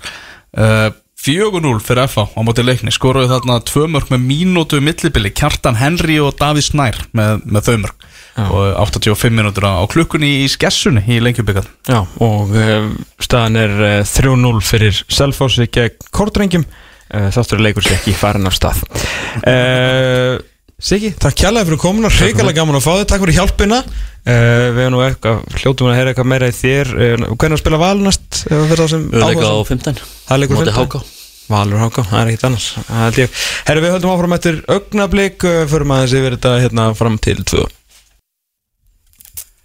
Það held ég út að státturinn Fótboll.net hér á X-inu 977 Heyrðu, Það var, uh, voru bara stíðandi úr Garðabænum. 1-1 hjá uh, Stjörnin og Njarðvík þar sem að uh, Njarðvíkingar voru að jafna metin í 1-1 Já, stjarnan tapaði þetta dögunum uh, 2-1 fyrir uh, Vikingi þannig að þeir eru þá mögulega að fara með eitt stíð út af fyrstu tveimur uh, leikjónum Já, Það held ég síðast þegar við sem var 1-0 fyrir HK á móti IA í Kórnum. Ég held að það, hlýtur bara búið. Þeir hlýtur bara endað 1-0 uh, Ólafur Hórets með uh, markið og fleiri leikir held ég séu ekki á dagskráni í blessuðum lengju byggarnum í dag. FH leiknir og hann var að klárast og staðan var orðin 4-0 fyrir þeimleika félagið Heldur betur, uh, förum aðeins yfir í ennskapoltan, hvað er að gerast á Englandi um helgina? Herru, það er engin hátæðisleikur í Nei. dag, það er svona svolítið sérstök, uh, sérstök umferð. Hátæðisleikurinn var farður uh, fram á, á kvöld. Uh, semst að tveimur leikin frestaðu þetta bæði leik Manchester United og Brentford og Newcastle og Brighton að þau mætast á morgun klukkan 16.30 í úslitum Delta Biggarsins í byrnu útsendingu á Viaplay. En klukkan fjög, þrjú í dag eru við regnir aðleikurinn Lester Arsenal þar sem að Arsenal menn vonast eftir að halda áfram með sína góða gengi eftir þetta æfintilega Mark Jorginho eða Emilio Martínez sem síðust velgi Vest á Nottingham Forest, Leeds Southampton mjög áhugaverur leikur í fattslagnum Ruben Sees, uh, minn maður, uh, búin að herru ég fekk formlegt bónuna á ég er komin á openbert spjallsvæði og læst spjallsvæði dýrlingana á Englandi. Ja, það er svo Heiðursbóð, takk fyrir. Ah. og kann ég mönnum þar bestu þakkir. Herru, Ruben segis, búin að tekum við úr tíumbilið og sér annar flottur leikur Everton og Aston Villa. Það er sýteðisleikurinn er Bournemouth Manchester City. Og svo klukkan 19.45 í kvöld uh, sem sagt verið að bjarga þeim sem að uh, vilja ekki horfa á söngu kemna Já, og geta hort á ennska boltan í staðin Crystal Palace, Liverpool. Já, þetta finnir, finnir lögadagur mjög fyndið lögðar, morgun bara eitt leikur en hann stór, Tottenham Chelsea klukkan 13.30 þar sem að sem fyrir sér uh, við verum búið með völlin með þess að á sama sömu sekundu og uh, leikur Newcastle og Manchester United fyrir fram á Wembley. Já, eins og sagður á, hann byrjar 16.30 sá leikur og við vorum aðeins að tala um þetta í hlaðvarsvættinu mennski boltinni í gæra. Þrátt fyrir að hvað þetta er lítil keppni þú veist, Karabá uh, byggarinn svona í, í stóra samhenginu litli byggarinn og liðir náttúrulega svona stærstu liðin að spila bara í varaliðum út að, fram á úrslitaleiknum nánast þá er þetta ótrúlega stór úrslitaleikur í þessum litla byggar náttúrulega mannsættur nætti ekki búið að lifta titli lifta byggar síðan 2017 og Newcastle ekki búið að lifta byggar sér 1969 sko. Þannig að það er rosalega spenna hjá stuðningsmönnum Newcastle og Manchester United komið í svona sinn fyrsta úrslitaleik undir stjórn, ný stjóra sem að mikil spennaði fyrir. Algjörlega, og þetta er líka það sko hérna, einmitt, svona framan af var þetta rosa mikið mi- rosalega mikil varalið og síðan þurfti einhvern veginn stjóri betra liðsins að taka ákvörðunum hvort að aðalmartmaðurinn eða varamartmaðurinn hætti að spila úrslitaleikin Já. við höfum séð leikin sem þú veist United Aston Villa þegar Villamenn voru ekkit frábærir 2010 Birmingham Arsenal þegar Birmingham vann og fjall Liverpool, Cardiff, Swansea Bradford, City, Sunderland þetta voru, þú veist, þarna var þetta ekkit að gerast en liðið sem að breytti þessari keppni var nú alltaf Manchester City Já. því að þeir tóku bara yfir þessa keppni og það var alltaf bara fast slott fyrir City menn í þessu og við erum nú að horfa upp á ústildarleiki síðust ár City Arsenal, City Chelsea City Villarendar, svo City Tottenham og svo Liverpool Chelsea fyrir það þannig að, jú, ég er alveg sammála því að þó að keppnin fram að úrstaleiknum sé svona ofsóldi hum og ha mm -hmm. undanúrstaleikinni kannski núna ekkit eitthvað stórbrotnar viðregnir að þá verður úrslitaleikurinn alltaf svolítið occasion Einmitt. oftast eins og þú minnist á stærri liði Newcastle en þetta er bara svo ógeðsla stort fyrir Newcastle í dag og við vitum alveg þeir verða með sína 30-40 þúsund manns þarna á vellinum og hafa verið stappað og tvær enskar stopnarnir Ten Hag getur strax unni titil eftir að vera búin að hýfður upp til skíjan og átt þetta 50. kvöld þar sem að leikur Barcelona velli og það er, er þokkalegu momentum með þessum leik sko. Já, félagið minn og, og nafni Elvar Guðmundsson Íringur, hann var á njúkastleik um daginn Ok. og hann sagði mitt bara að fara að vera magnað að upplifa hversu stóri þessi deildabyggarleiku var. Sama hvar maður var, Já, eina sem allir voru að tala um Já. það var þessi úslitaleikur og, hvern, og hvort þið var að fá miða á leikin sko. ok.